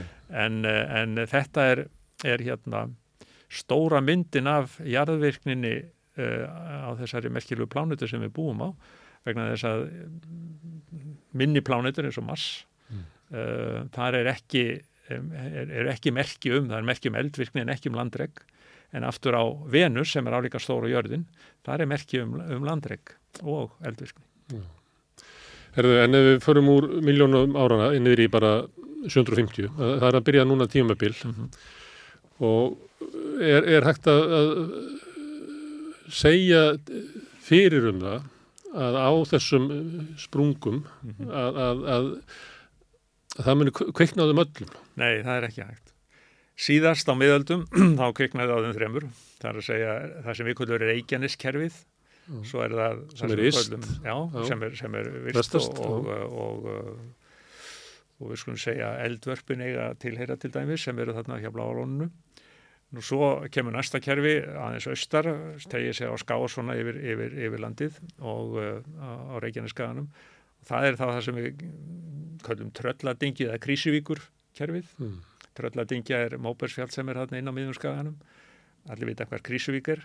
Þetta er í sama hálendis uh, skákinni, þar sem er eldvirkni og, og, og, og jarðskjálftan. Og svo ef við förum aðeins lengra, þá förum við yfir Kleifavatni, þau eru komin í Brennistensfjall og Bláfjall, Mm. kallum þetta bara Brennistensfjallakerfið. Það er sem sagt hálendið upp af, upp af Kleifavatninu og svo hoppum við aðeins lengra og förum út á Selvóseiði, komum langlega til Þorláksarnar og, uh, og förum upp í gegnum uh, Þrengslinn og, og uh, Meitilinn og, og, uh, og Hengilinn og áfram uh, Nesjavellir og út í Þingvallavatn og, og allar leiði upp í Ármannsfell. Já, Það er lang lengsta og, og, og einlega stærsta eldstöðakerfi og það eina sem er með það sem við getum kallað raunverulegt eldfjall og það er Hengilinn. já, Hann er sem neðri hluti af stóru eldfjalli sem er að verða til. Þar eru virk kvikuhólfundir, stór svona kvikuhól sem við kallum, það sem er, er, er kvika getur þróast á vissan hátt. En aftur uh, á hinum þremur sem eru þá vestar, þar, þau eru þá ung, þau kerfi að þau, þau hafa ekki náða að þróa slíka megin erstöð eins og, og hengilinn er. Þannig að það eru engin stór áberandi eldfjöll. Hver er munurinn? Er það eða hengil á hann svona smá varaforða af kviku Já. uh, nær yfirborði? Já. Á meðan að uh, á Reykjanesi þá þurfum við að búið þetta til. Svolítið svoleiðis, já. Já. Og, og, og við köllum þetta meginelstöða því að það gís mjög oft á mjög þröngu svæði og það er uh, hægt að sína fram á það að þarna eru kvíkuhól, það er reynda tvö kvíkuhólf, annað er svolítið austar en hitt, annað er undir honum miðjum henglinum, hitt er aðeins austar. Uh, það eru kvíkuhólf svona undir heklu, það er kvi- svona kvíkuhólf undir barðabungu. Og svo fram við þetta eru stóru eldstöðvækkerfi með, með gömlu, með, með megin eldstöðunu, þau eru við að Snæfellsnes uh, varst þú að nefna, þar, er, þar er, eru líka uh, þrjú eldstöðvækkerfi og þar á meðal eitt með mjög öflugu kvikuhólfi sem hefur byggt upp stórt eitt fjall sem er Snæfellsjökull. En allt á þetta tiltölulega flokknar eðlisfræðilega og efnafræðilega skýringar sem við verum ekki að fara út í Nei. á hverju þessi munur er. En eldstöðvækkerfin eru 30 á Íslandi og þar að veru 4-5 eftir í hvernig við skýringum það á Reykjaneskaganum sjálfa. Já. En uh, um 1200 að þá kveiknaði ekki á heng, hengilsvæðinu. Nei, En það kveiknaði á Reykjanesi já, og þe- þessu þremur. já, og röðin var uh, svolítið öðruvísi en núna. Núna byrjar uh, eldvirt svæði sem að menn eru ekki alveg 100% vissir á hvort tilheyri trölladingikjörfinu eða reykjaniskerfinu, það er þess að faradarfjallun ágreini, Já. það kviknar þar í fyrst af öllu en uh, á þessum miðöldum þá byrjar eldvirknin í bláfjöllum og brennistumfjöllum er svona uh, á, frá tíundu öld og yfir aldamótin og aðeins inn á, inn á uh, 11. öldina og uh, svona sem dæmi að það þekkja allir svo kallar svínarhaun eða svínarhaunsbruna sem er upp af lillu kaffistofunni Mm. það er raun sem við teljum að hafa runnið og það er hægt að sína fram á það að það er, það er sögulegt við teljum að hafa runnið árið þúsund bara svo ég taki ákveði dæmi vegna þess að það og þá að tengja það þessari frægu frásögn um, um, um, um kristnitökuna á, á, á þingvöldum Mm. Eh, það er semst kerfi sem fer í gang og til dæmis stóra eldborg sama margir þekkja og er réttu fyrir skíðasvæði í Bláfjöllum það er eitt af, ein af eldstöfunum stuttur sprungugossi sem er þar upp frá og svo deyr bara virknin út þarna og uh, það líða nokkuð mörg ár þannig að inn á 11. öld, inn á 12. öldina þá vitum við að 1155 sennilega þá gís uh, nokkuð nálægt sjó sunnalega á skaganum í eldstöðakerfi sem við kennum þá við Trölladingju og Krísuvík og það rennur svo kallar augmundarhaun og þar er líka bær út í rauninu, svo kallar húshólmi sem að sýnir að þarna var miðaldabyggð á sínu tíma. Og þetta er þá uh, 1150 cirka eða 55, ég held að það veri 1150 og á næstu 30 árum þá eru gósin að færa sér norðaustar innan þessa kerfis. Mm. og síðustu gósin verða uh, 1188 skamt frá Helgafelli og á með Hafnafjörð og þá rennur raun sem við fekk nafnið ímist kapellurhaun eða nýjarhaun eftir í hvað við erum að tala um og álverið stendur á. Mm. og þetta eru þá lokin á, á þessu? Já, og þá erum við komin á vestasta kerfið sem er þá Reykjaneskerfið. Og þar byrja virknin út í sjó sennilega 1205 og svo eru gós eftir það í, út í sjónum og alltaf nálgast virkni land. Og í kringum uh, 1226 eitthvað svoleiðis, 1224, 26 þá er farið að gjós út í sjónum bara rétt upp fyrir landsteina, upp fyrir harða land. Og allir sem hafa komið þangað þekkja dráng sem heitir Karlinn og er þarna fyrir utan. Það er leifar af einum af þessum gjóskugígum sem var, var orðin einna næstur landi og uh, eldvirknin stoppar ekki við það, heldur, heldur getur eldsprungar sé hægt og rólega eða þessi sprungu kerfi má ekki að kalla þetta eldsprungur, eru bara kvikufylta sprungur sem við kallum ganga Mm. uh, fyrir að geta sér inn, inn í land og þá verður til gígaröð sem er mjög vel sínileg þegar maður keirir út af virkjunni á Reykjanessi og, og eru kallaðir yngri stampar svona fallegir, fallega litlar eldborgir og gjaldgíðar svona, svona kílómetr kílómetr frá, frá, frá virkjunin út í, í, í góðsprunguna og uh, þá erum við komin sem sagt í kringum já, 1230, þá flytur virknin sig svolítið lengra í austur. Þá erum við komin í eldvörpin og uh, illarhaun sem að, sem að hérna bláalóni stendur á. Og Arnasetursraun sem að er hérna skamt frá. Og uh, það er talið að 1240 þá sé þessu lokið. Og þá hefur við þarna 30-40 ára tímabil á 13. öld 30 ára tímabil á 12. öld og sennilega svipa 30 ára tímabil á, á, á 10. til 11. öld en hengilinn hann heldur kjæfti Já. En þú lístir sér upp af því eins og það væri að, að jörðin þyrfti að losa ykkur spennu já, og þetta er svona kerfi og maður gæti séð fyrir sér svona eins og dóminó þannig ef eitt eldstöða kerfi Já, já. býður af eina hrínu er það þá meiri spenna sem að hún þarf að losa næst?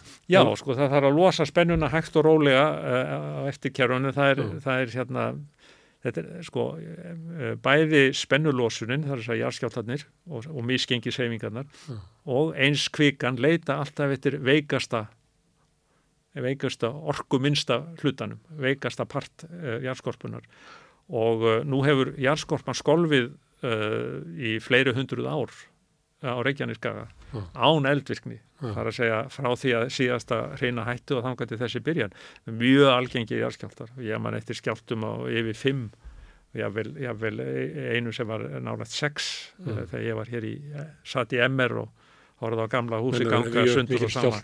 1968, Það er- það það er- menn sem hafa voru að vinna Jú, í álverinu. Það er Þakku fyrir að það hafi verið kaffitími, að menn, þá voru verið að reysa álverið, að menn mjög ekki verið upp í Stellinsunum. Þetta eru sömur skjáltarnir sem við Já. erum að tala um.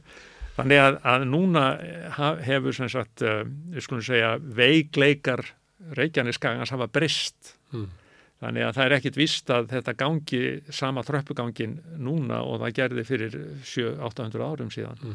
Nú getur einfallega farið þannig að, að einhver kerfi uh, byrji eins og virðist nú vera, það er nú áhaldum eins og ég segi hvar, hvar, hvar faraðarskerfið á heima eða þetta, þetta, þessi skák þar, en hún allavega er búin að skila þrejum gósum og, uh, og núna er virkninu vestar, það er að segja hún er uh, eina beint fyrir norðan Grindavík á í nánd við gósprungu sem er þá úr hreinunni þar á undan sem heitir Sundnúks gósprungan eða Sundnúksskígar í raun og veru.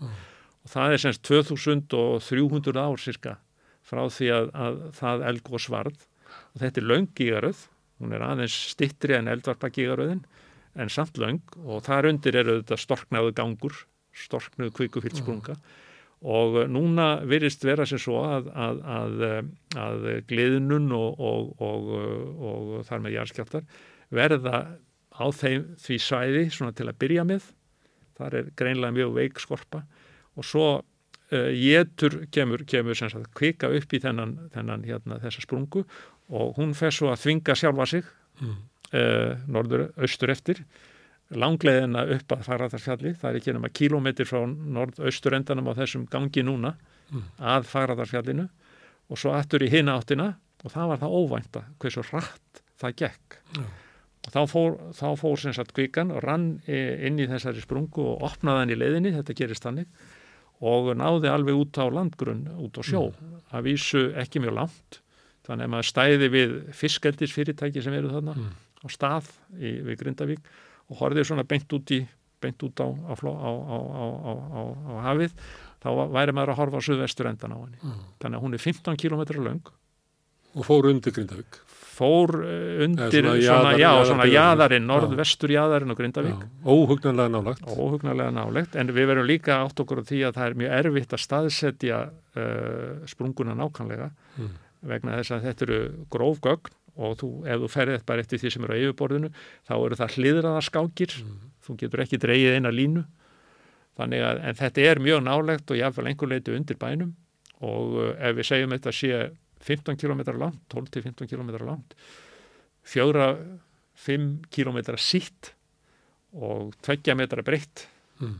það er algengir, við sjáum þau svona ganga sem lóður í eftir berglög í gamla hlutanum á Íslandi, á Östfjörðum, Vestfjörðum, Norð, Norðurland, þá getur þú séð alveg, sko, jáfnvel sko marga ganga saman sem að sína svona sprungusvæði, svona, svona, svona gamalt sprungusvæði. En hvað er það? Uh, hugsaum aðeins um rúmmál, þá ertu farin að tala um allmarga tugi miljóna rúmmetra mm. kviku sem er akkurat þarna í þessum gangi. En ekki víst að hún myndi brjótast upp öll. Nei, svo er ekki ekki hún svo. brjótist yfir höfuðu. Já, upp, og þó hún myndi gera það, þá fer hún ekki öll á Já, ekki nema, hún gæti farið öll upp eða væri jafn mikið innflæði Já. Eh, því að það verður þrýstingu, það verður að viðhalda þrýstingnum að vissuleiti til þess að, að gósið haldi áfram eitthvað meira heldur en bara nokkra daga eða vikur og, eh, og eh, það er svona stór aðfæslugangur en þá lifandi undir uh, góðstöfunum við Faradalfjall því að hann var ekki alveg eins langur, hann var svona 8 km langur og líka einstu 2 km breiður sennilega og hann er búin að fæða af sér þrjú gós, eitt var langt sem þýði það að það streymdi dáttir hessilega inn í hann. Tvö voru mjög stutt sem að gætu þýtt að það streymdi mjög lítið inn í hann. En hann er áfram virkur og það hefur áfram verið uh, landris uh, við Faradalsfjall. Þannig að það er ekki hægt að útiloka fleiri gós þar. Uh, en við getum heldur ekki útilokað að það verið þá gós núna úr þessum gangi. Og eins og þú segir... Og ef ekki núna, verið- þá setna. Já, já, já, svo það er náttúrulega, en bara núna, næstu klukkutíma eða næstu daga getur það gerst, svo getur þetta, eins og þú þetta nefna, getur ekki gerst, en þá er hann þarna og getur fætt af sér gós setna, þannig að það er eitt af þessum, er- eina af þessum erfiðu svismyndum sem menn er að glíma við. Mm. Hvað ef ekki gís? hvernig getum, hvernig getum við þá hagað okkur að því að þetta er öllu. þéttbílt svæði Já. eh, og ekki svo við faradarfjall þar er okkur meira sama um hlutina eh, svo Grindavík er á hraunni sem rann fyrir hvað svona 2000 árum 2300 árum og uh, alveg fram í sjó og, uh, og, uh, og það sama gildir um úr eldvarpa þessari gígaröð úr þessari gíguröð og maður sér umverulega þegar maður stendur í, í Grindavík og horfir í svona norður nokkurn veginn, eða norðustur, þá sér maður raunverulega endan á henni. Það voru þarna gígar sem gæðust yfir brúnina og svo, svo var þetta náttúrulega og þetta fór út fyrir sjáamörk uh, þannig að, að og það sama gildir um eldvarparhaunni sem er þá yngra og er þá svona hinum megin við Þorbjörn eins og við segjum. Uh, það rann lík út í sjó. Það, það er hægt að sína það á, á, á botmyndum, það, er, það liggja hraundungur út í sjóin en stóri djókarinn í spilinu er svo, er hérna kemur upp jarðeldur út, á sjó, út, út í sjónum á hansbótninum og ef það gerist, það er ekki hægt að útiloka það en uh, svona þeir sem að tólka gögnin, þeir uh, líta svo að það sé minni hætt á því en gósa á landi uh, þá verður það auðvitað að gera ólíkt þá kemst sjór í tæri við kvikuna og uh, þetta, þó að þessi frumstæð basalt kvika og ekki rokkgjörna á það að, að, að búa til gjósku að þá getur þetta samt sem þýtt að þetta verður hreint gjóskugos til að byrja með. Og uh, menn geta fabúlerað að fara að spá í eigjar og svo leiðist og það er auðvitað líka mögulegt því að allir mun eftir sem við hafa aldrei til mögulegt jólni og sýrtlingi sem voru svona litlar gósegjar og svo surst seg sjálfur í en uh, þetta er þetta er ammali á morgun verður 60 Hún er Surtstíg á 60, morgun. já, já það, það, það, stemmir. En, en, en uh, gæti að bara orðið svona hverfjall. Það er þannig sem menn sjá fyrir sér til dæmi skígana sem mynduðust út í sjó uh, fyrir utan Reykjanes á 13. öldinni þegar þau gós voru. En eitt af þeim gósum, það held ég hafi nú verið 1226 frekar en fjögur, þá skrifar Snorri Sturluson um uh, uh, að hann hafi orðið fyrir uh, miklum skeppnufelli, mist 200 gripi, nautgripi uh, í Svignaskarði í Borganesi, Borgarfyrði vegna sandfalls. Og það voru sandfallsvetur á, þessum, á þessari 13. öld nokkrum sinnum. Og það voru þá þessi gjóskugós þarna út á, út á Reykjanesik og uh, eins við sem þetta er jú að þetta verði eitthvað svipað en, en uh, eins og ég segi líkutna minni en landgós Þannig að þeir eldar tóku af snorra svona eh, litla bók sem hann hefði getað skrifað ég, misti. ég geti hugsað það, já. En ég held að hann hafi náttúrulega árum til þess að ná sér í nautgripi einhvers staðar. Herðu en eh, fyrir 750, 800 árum eh, voru þetta svona túristakos voru þetta lítilgos Já, sko, við getum ekki kalla eldvarpagósi kannski túristagós, við vitum það, það hefur kannski verið í einhverjum áföngum, uh, allir muna, ekki segja allir, en margir muna kröplu eldana. Já. Það eru voru nýju eldgós á nýju árum og eldsprungan eða, eld, eða, eða, eða gangarnir sem kom upp við hvernig þetta fingur Já. Uh, kvikurhaupin sem að komu sem sagt úr, úr, uh, úr hérna kvikuhólfi kröplu, það er svolítið önnur aðstæð þess að ég er bara að nefna þetta sem dæmi. Að þar var gósprungan að geta sig hægt og rólega í norðaustur og, uh, og þegar við sjáum það núna þá hefðum við ekki hugmyndum ef við vissum ekki um þessi nýju ár þá sæðum við bara gígaröð Mm. teldum þetta jáfnvel allt úr einu og sama gósinu þannig að, að e, e, það, það sem er svona einkenni þó að þessum gósum er að þau eru ekki, já, þau eru ekki stór. Þetta eru e, gígaræðir kannski virkar einhverja kilometra að lengt jáfnvel miklu minna en það. E, frekar stutt gós kannski staðið í einhverja vikur örfá á mánuði. Raunin 10, 20, 30 kannski 40 ferkilometrar, ég hef nú ekki tölunar alveg á reynu en svo eldvarparhaunnið, það held ég að sé einhverjir 20-30 ferkilometrar þannig að, að það var ekkert af þeim var stort Nei. Og uh, það einkennir uh, þessa sprungugósvirkni á Reykjaneskaganum uh, það sem að hraun renna og uh, gígaraðir myndast. Að þetta er yfirleitt fyrir eitthvað temmileg gós túristagós myndi ég kalla þá kannski þessi sem að voru þarna úr, uh, úr við Geldingadali og Meradali og, og, og, og litlar hút 1 til 5 ferkilometrar per raun mm. það, það er, það, ég er mér finnst þetta túristagósa talt átti leðilegt Já, já, en ég var bara að pröfa að fara með hugtak úr Jú, jú, jú, ég er að segja það, það er ekki þér að kenna en, en það er, þetta er svolítið svona ankannalegt að tala, tala Þa, um þetta. þannig að ógnin af sko hverju eldgósi fyrir sig er kannski ekkit uh, rosaleg Uh, það náttúrulega er möguleik að komi stort eldgós með miklu raunflæðir það og, það og menn gætu velt fyrir sér sko raunflæði úr henglinum eða niður vellina á, á í hafnafyrði yfir er en líklega ef þú ættir að velja sko eða versta staðin þá er það sem við höfum verið að horfa á núna um helgina. Það er að það verði já, bara Já. í byggð. Já, ég held að það sé, eða svona nálagt byggð, það held ég að sé uh, uh, alveg rétt. Og, og uh, það á aldrei að fullir það mikið um jarðeld, skilur, ekki að segja að það verður ekki eldgós eða það verður eldgós og maður á heldur ekki að segja að það verður lítið gós eða meðalstórt eða stórt vegna þess að, að til dæmis 15 kilometra uh, langur uh, gangur þessara tegundar, hann getur fætt af sér bísna stór gós. Eh, Sagan segir okkur hins vegar að þau, þau eru ekki stór en þá megum við heldur ekki gleyma því að það hafa orðið gríðarlega stór gós á Reykjaneskaganum. Það eru dingjugósin svo kalluðu. Já. En þau uh, raða sér á alveg ákveðin tíma og það eru svona árin uh, þegar stóri Ísaldarjökullin er að hverfa af Íslandi og það verður gríð- gríðarlega hlætt landris bara í heilsinni, ekki svona eins og við erum að mæla og uh, greið leið fyrir kviku úr möllunum mjög þunnfljótandi svona basaltkviku sem að dreifist á löngum tíma, þetta eru gos, ég vil nokkur ár, þannig að heiðin há, þráinskjöldu sem er hérna við, við, við Faradalsfjall og ótal aðra dingju sem eru líku við ótal uh, á, á Reykjaneskaðum er allt merki um eldvirkni sem var svona á bylinu frá 4-5 þúsund ára uh, þar til frá fyrir 14-15 þúsund árum.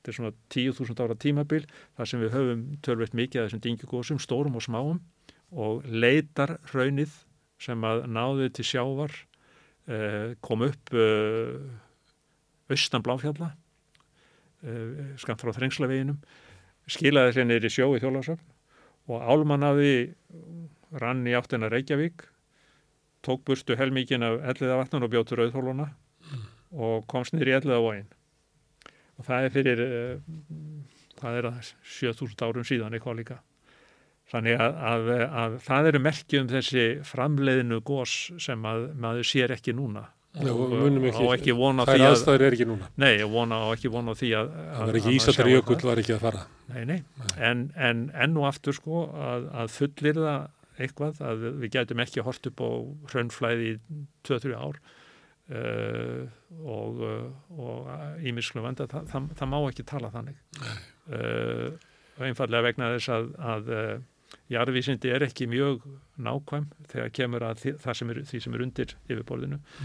Og ég hefur stundur líkt þessu við um, að vera með stóra byggingu segjum bara flugstöðuna og keflækurflugvelli, það er engi gluggar, ekki neitt, það er bara vekkir það er uh, einhver óskaplega virkni þarna inni, menn að flytja þungar hluti og gólfin halla á alla vegu og við erum ekki alveg klára á því hversu margar hæðir húsið er og við stöndum svo fyrir utan einhverjir sérfræðingar með hérna, titringsnema og, og, og innrauðar uh, myndavélar og hvað enna Uh, höfum við jáfnvel gerfitún sem getur sagt okkur hvort að hérna, byggingin er að liftast eða síga eða eitthvað líka og svo eigum við að dæmum það hvað er að gerast þarna. Og gæti verið að eitt klassið rækist á einn vekkin og bryti gata á hann sko. þetta er svona ekkit kannski ósvipuð, ósvipuð hérna, uh, uh, aðstæða sem að jarðeðlisfræðingar og jarðfræðingar eru í þegar kemur að stóru reyfingunum, misgengjónum þrýstingsbreytingunum, kvikufæslunum, kvikúþróunni og svona.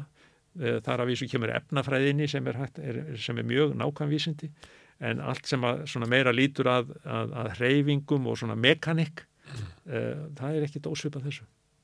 Það er ekki búið að finna út rekni líkani til þess að uh, rekni það. Þess að þurfum við á ykkur að halda sem hafi ykkur einsæ í þetta. Það er mörg, það eru mörg líkon til og það er til reikni líkon til dæmis sem leifa manni það að, að, að, reikna út frá landliftingu og þvermál á, á, á svona landliftingu uh, dýpi á kviku lögun og uh, maður getur gefið sér lögun á kvikuhólfi kúlulaga, flatt og svo. Það er, það er gríðilega mik mikla framfærir í þessu en, en, en uh, þetta eru samt sem áður uh, aðstæður sem að við eigum mjög erfitt með að, að, að, að um, hafa mjög nákvæm orðum, nákvæma spárum eins og við erum flinka að spá í loftjúpin þó að hann sé ósýnilegur og, og, og, og allur á hreyfingu þá er þetta ekki komið á sama steg þegar kemur að, að, að til dæmis jarðskjáltum það er, það er ennþá mjög erfitt að spá fyrir jarðskjálta En það mun breyta ykkur, kannski er þessir atbyrðir helgarinnar eru st stórviðburðir. já, já. Menum bæði býst ég við að séu bara stórviðburðir jarðsögulega út af þessu Sög, já, sögulega og sögulega fyrir Ísland, Íslands sagan þetta er, er stór viðbyrð í Íslands Já, það er líka það að núna sjáum við ofan í jörðina, ég býst við að við værum á 1200 þá hefðu við bara gengið við jarðskjáltar og, já, já, og við bara þakka fyrir og værum núna bara að halda upp á að þetta væri búið. já, já, En við myndum ekki vita af því að undir fótum okkar væri kvikugangur. Þannig að þetta, og til dæmis ef við ber þetta saman við Vestmanega gósið, þá er sín okkar í aðdragandanum og matið á því hvað það var sem var að gerast allt önnur. Já, já, og, og uh, það er búið að byggja upp viðvörunarkerfi sem er á heimsmælikvara, ég er ekkert að íkja þar. Mm. Það er að segja mælakerfi, uh, ef maður tekur veðurstöfar og allar mælar sem að veðurstofan uh, hefur í sinni umsjáð, þá eru þeir 700. Og uh, vara þeir sem að snerta það sem er undir í yfirbóri jarðar eru, eru að mista okkustu 100. Eh, Þannig að þetta er auðvitað uh, sérstakt og við höfum mm, sérfræðinga hóp uh, það er, er Jarðfræðafélag Íslands, það, er, eru fleiri hundru manns í því uh, við höfum uh, uh, stopnun sem að hefur svona tekið þetta svolítið sem ég held að sé mjög gott þegar þetta saminaði í einni stofnun sem er þá veðurstofan og svo höfum við náttúrulega jarðfræðistofnun háskólans til hliðar og við höfum náttúrfræðistofnun en svona stóra, stóra batterið sem að hefur með vöktun, vöktunarkerfið að gera er veðurstofan. Og, og í kringum þetta er svo byggðar upp almannavarnir sem að einu sinni snýrust um kjarnakustyrjöld snýst núna um, um uh, margar tegundir náttúru vár það er að segja 10-15 tegundir sem hættir að skilgreina á náttúruvá á Íslandi skriðuföll og, og veðurlag og svo framvegis. Uh, og, uh, og ekki bara það kerfi sem að ég held að sé ágjörlega skipulagt og, og uh, ágjörlega mannað.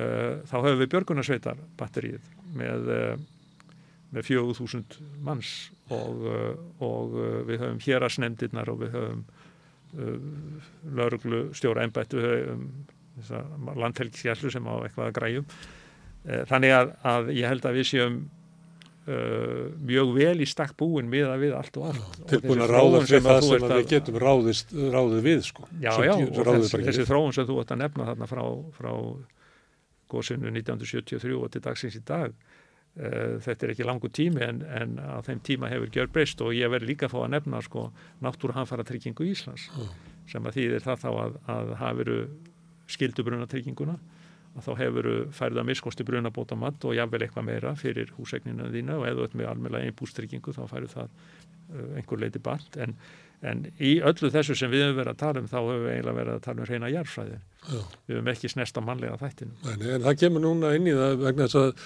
sín okkar undir jarðskorpuna uh, er allt önnu núna. Og ég held að þó að þið hafi kannski vita af þessu lengi að þá held ég að svona almenningur átti þessu núna. Og maður spyr sig sko svona einhverju kvikugangar er það ekki bara kannski bara 5% eða 10% sem að fyrir upp á yfirborðið?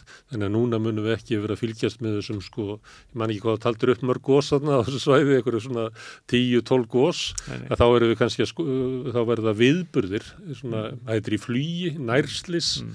þá verður það nærgós Mm. sem eru kannski þá 150 sem við munum vera að fylgjast með á næstu sko 45 árum. Mm. og þá er það þá er það spurningin að sko að ég bý eitthvað staðar þar sem að gekk kvikugangur undir verði ég bara einhver tíma nörugur aftur með að, að búa þar sko. Þannig að þetta er bara mun breyta sko hugmyndum Já, Íslendinga já, um að já. búa á þessari eldfjallægi sko. það, var lítið mynd að gera það það gerði það náttúrulega Vestmanega gósi gerði það og, og, og, og, og allt í einu e, urðu mjög alvarleg snjóflóti þess að það var tekið fastar á þeim efnum nokkur sinni fyrir og e, við lifum hér við þessar þessar aðstæður og uh, þekkingin er orðin þannig að það er vitað þetta áhættu mat sem að hægt er að gera fyrir, fyrir byggðir eða fyrir uh, hvort það er snjóflóð eða, eða elgós. Þetta er ímist tilið að verða að vinna þessu. Það er búið að byggja upp kerfi í kringum þetta en, en uh, inn í þessu öllu saman er fólk með tilfinningar og fólk með, með, með eftirsjá, fólk með sorgir, fólk með, með áhyggjur og svo framvegis og framvegis.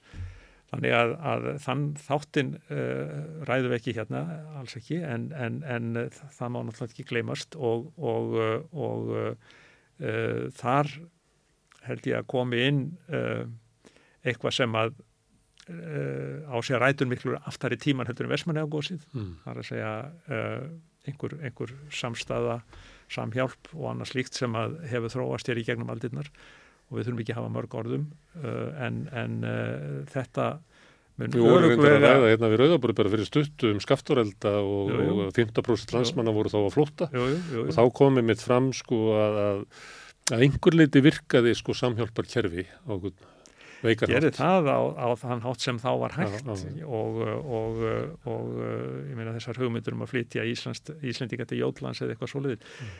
þetta er auðvitað eru auðvitað börnsins tíma en, en, en ég er alveg samfærið um það að, að, að við komum út úr þessu öll, öll byggtekur enda já, já. við komum út úr þessu uh, eins vel og, og, og undir. En heimurum breytist við þetta?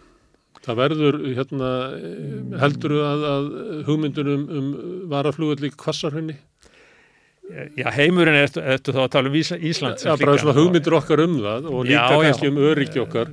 sko, Já, varaflugurinn eh, að vera á sama eldfallakerfinu og hinn. Já, já, sko það, það held ég að sé nú, það kemur mjög stert auðvitað inn núna og, og ég veit nú að, að mér skýrst að það sé nú um, um það byrja á að fara að skila einni skíslunni, ég veit bótt þeirri síðustu og vonandi þeirra sem er á marktængustæðum öllum En, en, en sko, jarðeldur hefur leikið mjög mörg lönd mjög grátt og uh, núna er til dæmis er allra augu á Pozzuoli í Ítalju, mm. Uh, stóri öskju sem er skamt frá Napoli.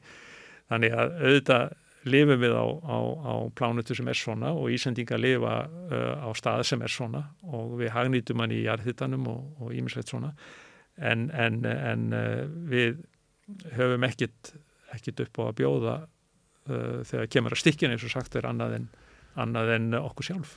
Já. Eins og svona hlutir hérna, með að það sé eiginlega breytin vegur út á Reykjanes, það er reyndar að keira mm, út á mm, kefluglull, mm, það er reyndar að keira mm. söður með líka en mm. það er í býstu þessi til hérna, þetta sjá fyrir sér raun það sem við myndum loka báðum Já, já, það er eh, kannski, kannski ekki, ekki sama górsinu en, en, en, eh, en eh, við getum, við getum hérna örgulega séð fram á tjónað innviðum uh, hvort sem er í Grindavík ef eitthvað fer, við getum séð uh, tjónað innviðum uh, öðrum byggðum víðum land. Það er eftir að telja, það er nokkrar upp. Ég ætla ekki að gera það en, en við vitum hver, hverja þeir eru.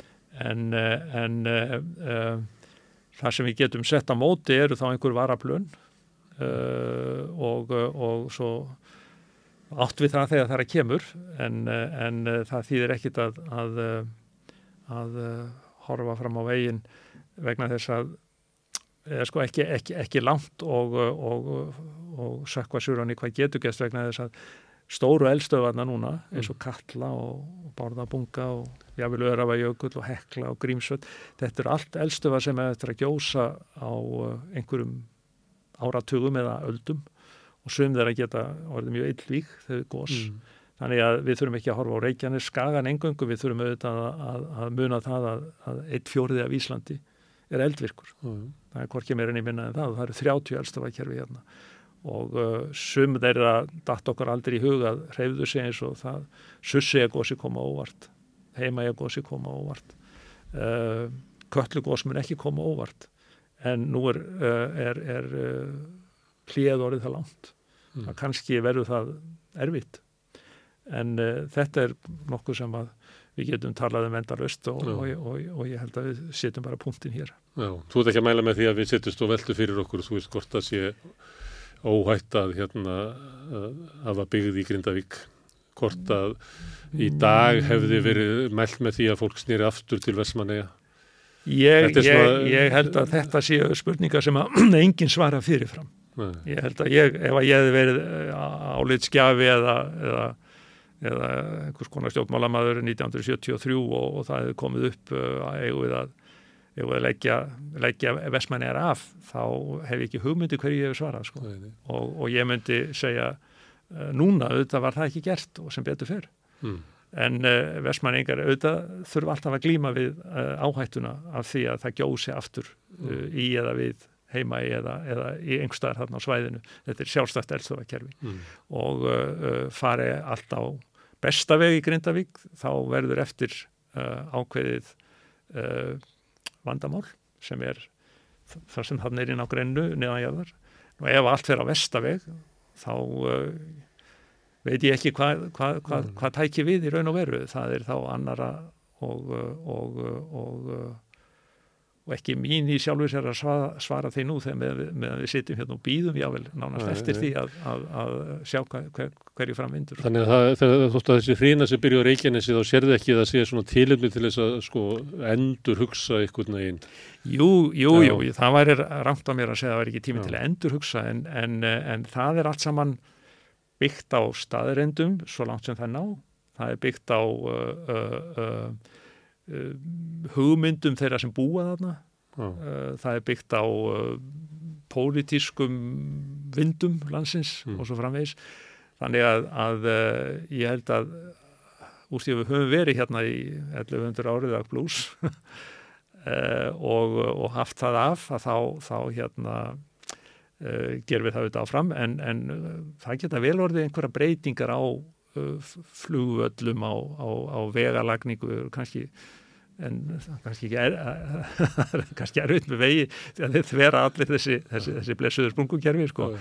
en, en ég segir svona, það, það getur vel verið að við þurfum að, að endurugsa eitthvað svona en, en hérna en, það er Ef þú ætlar að hafa virkjun þarna þá ættur þú að íhuga það að hafa varnargarð og eitthvað svona. til dæmis svona alls konar praktíska lausnir og, og, og allar háheitavirkjanir fylgja eldstöfakerfum og, og all- öll eru þau virk og svo framvegis og allt má afskrifa Mm. á einhverjum 50 eða 100 árum og færa og flytja og, og bæta og breyta en uh, ég er, ég er mér, mér, mér gengur mjög illa að vera í spámannsklæðum sko, þannig að ég hérna ég held að ég, ég, ég tali helst varlega svona hluti Það er trösti, takk fyrir að koma og fræða okkur um, um Reykjanesið. ok, Takk. það var, ég var ánægin Við látum þetta verða lokin í, á Rauðaborðinu í kvöld. Þakka öllum gestum mínum kjallaði fyrir og ykkur sem hafið hlustað. Við verðum hér næst annað kvöld klukkan átta. Takk fyrir í kvöld.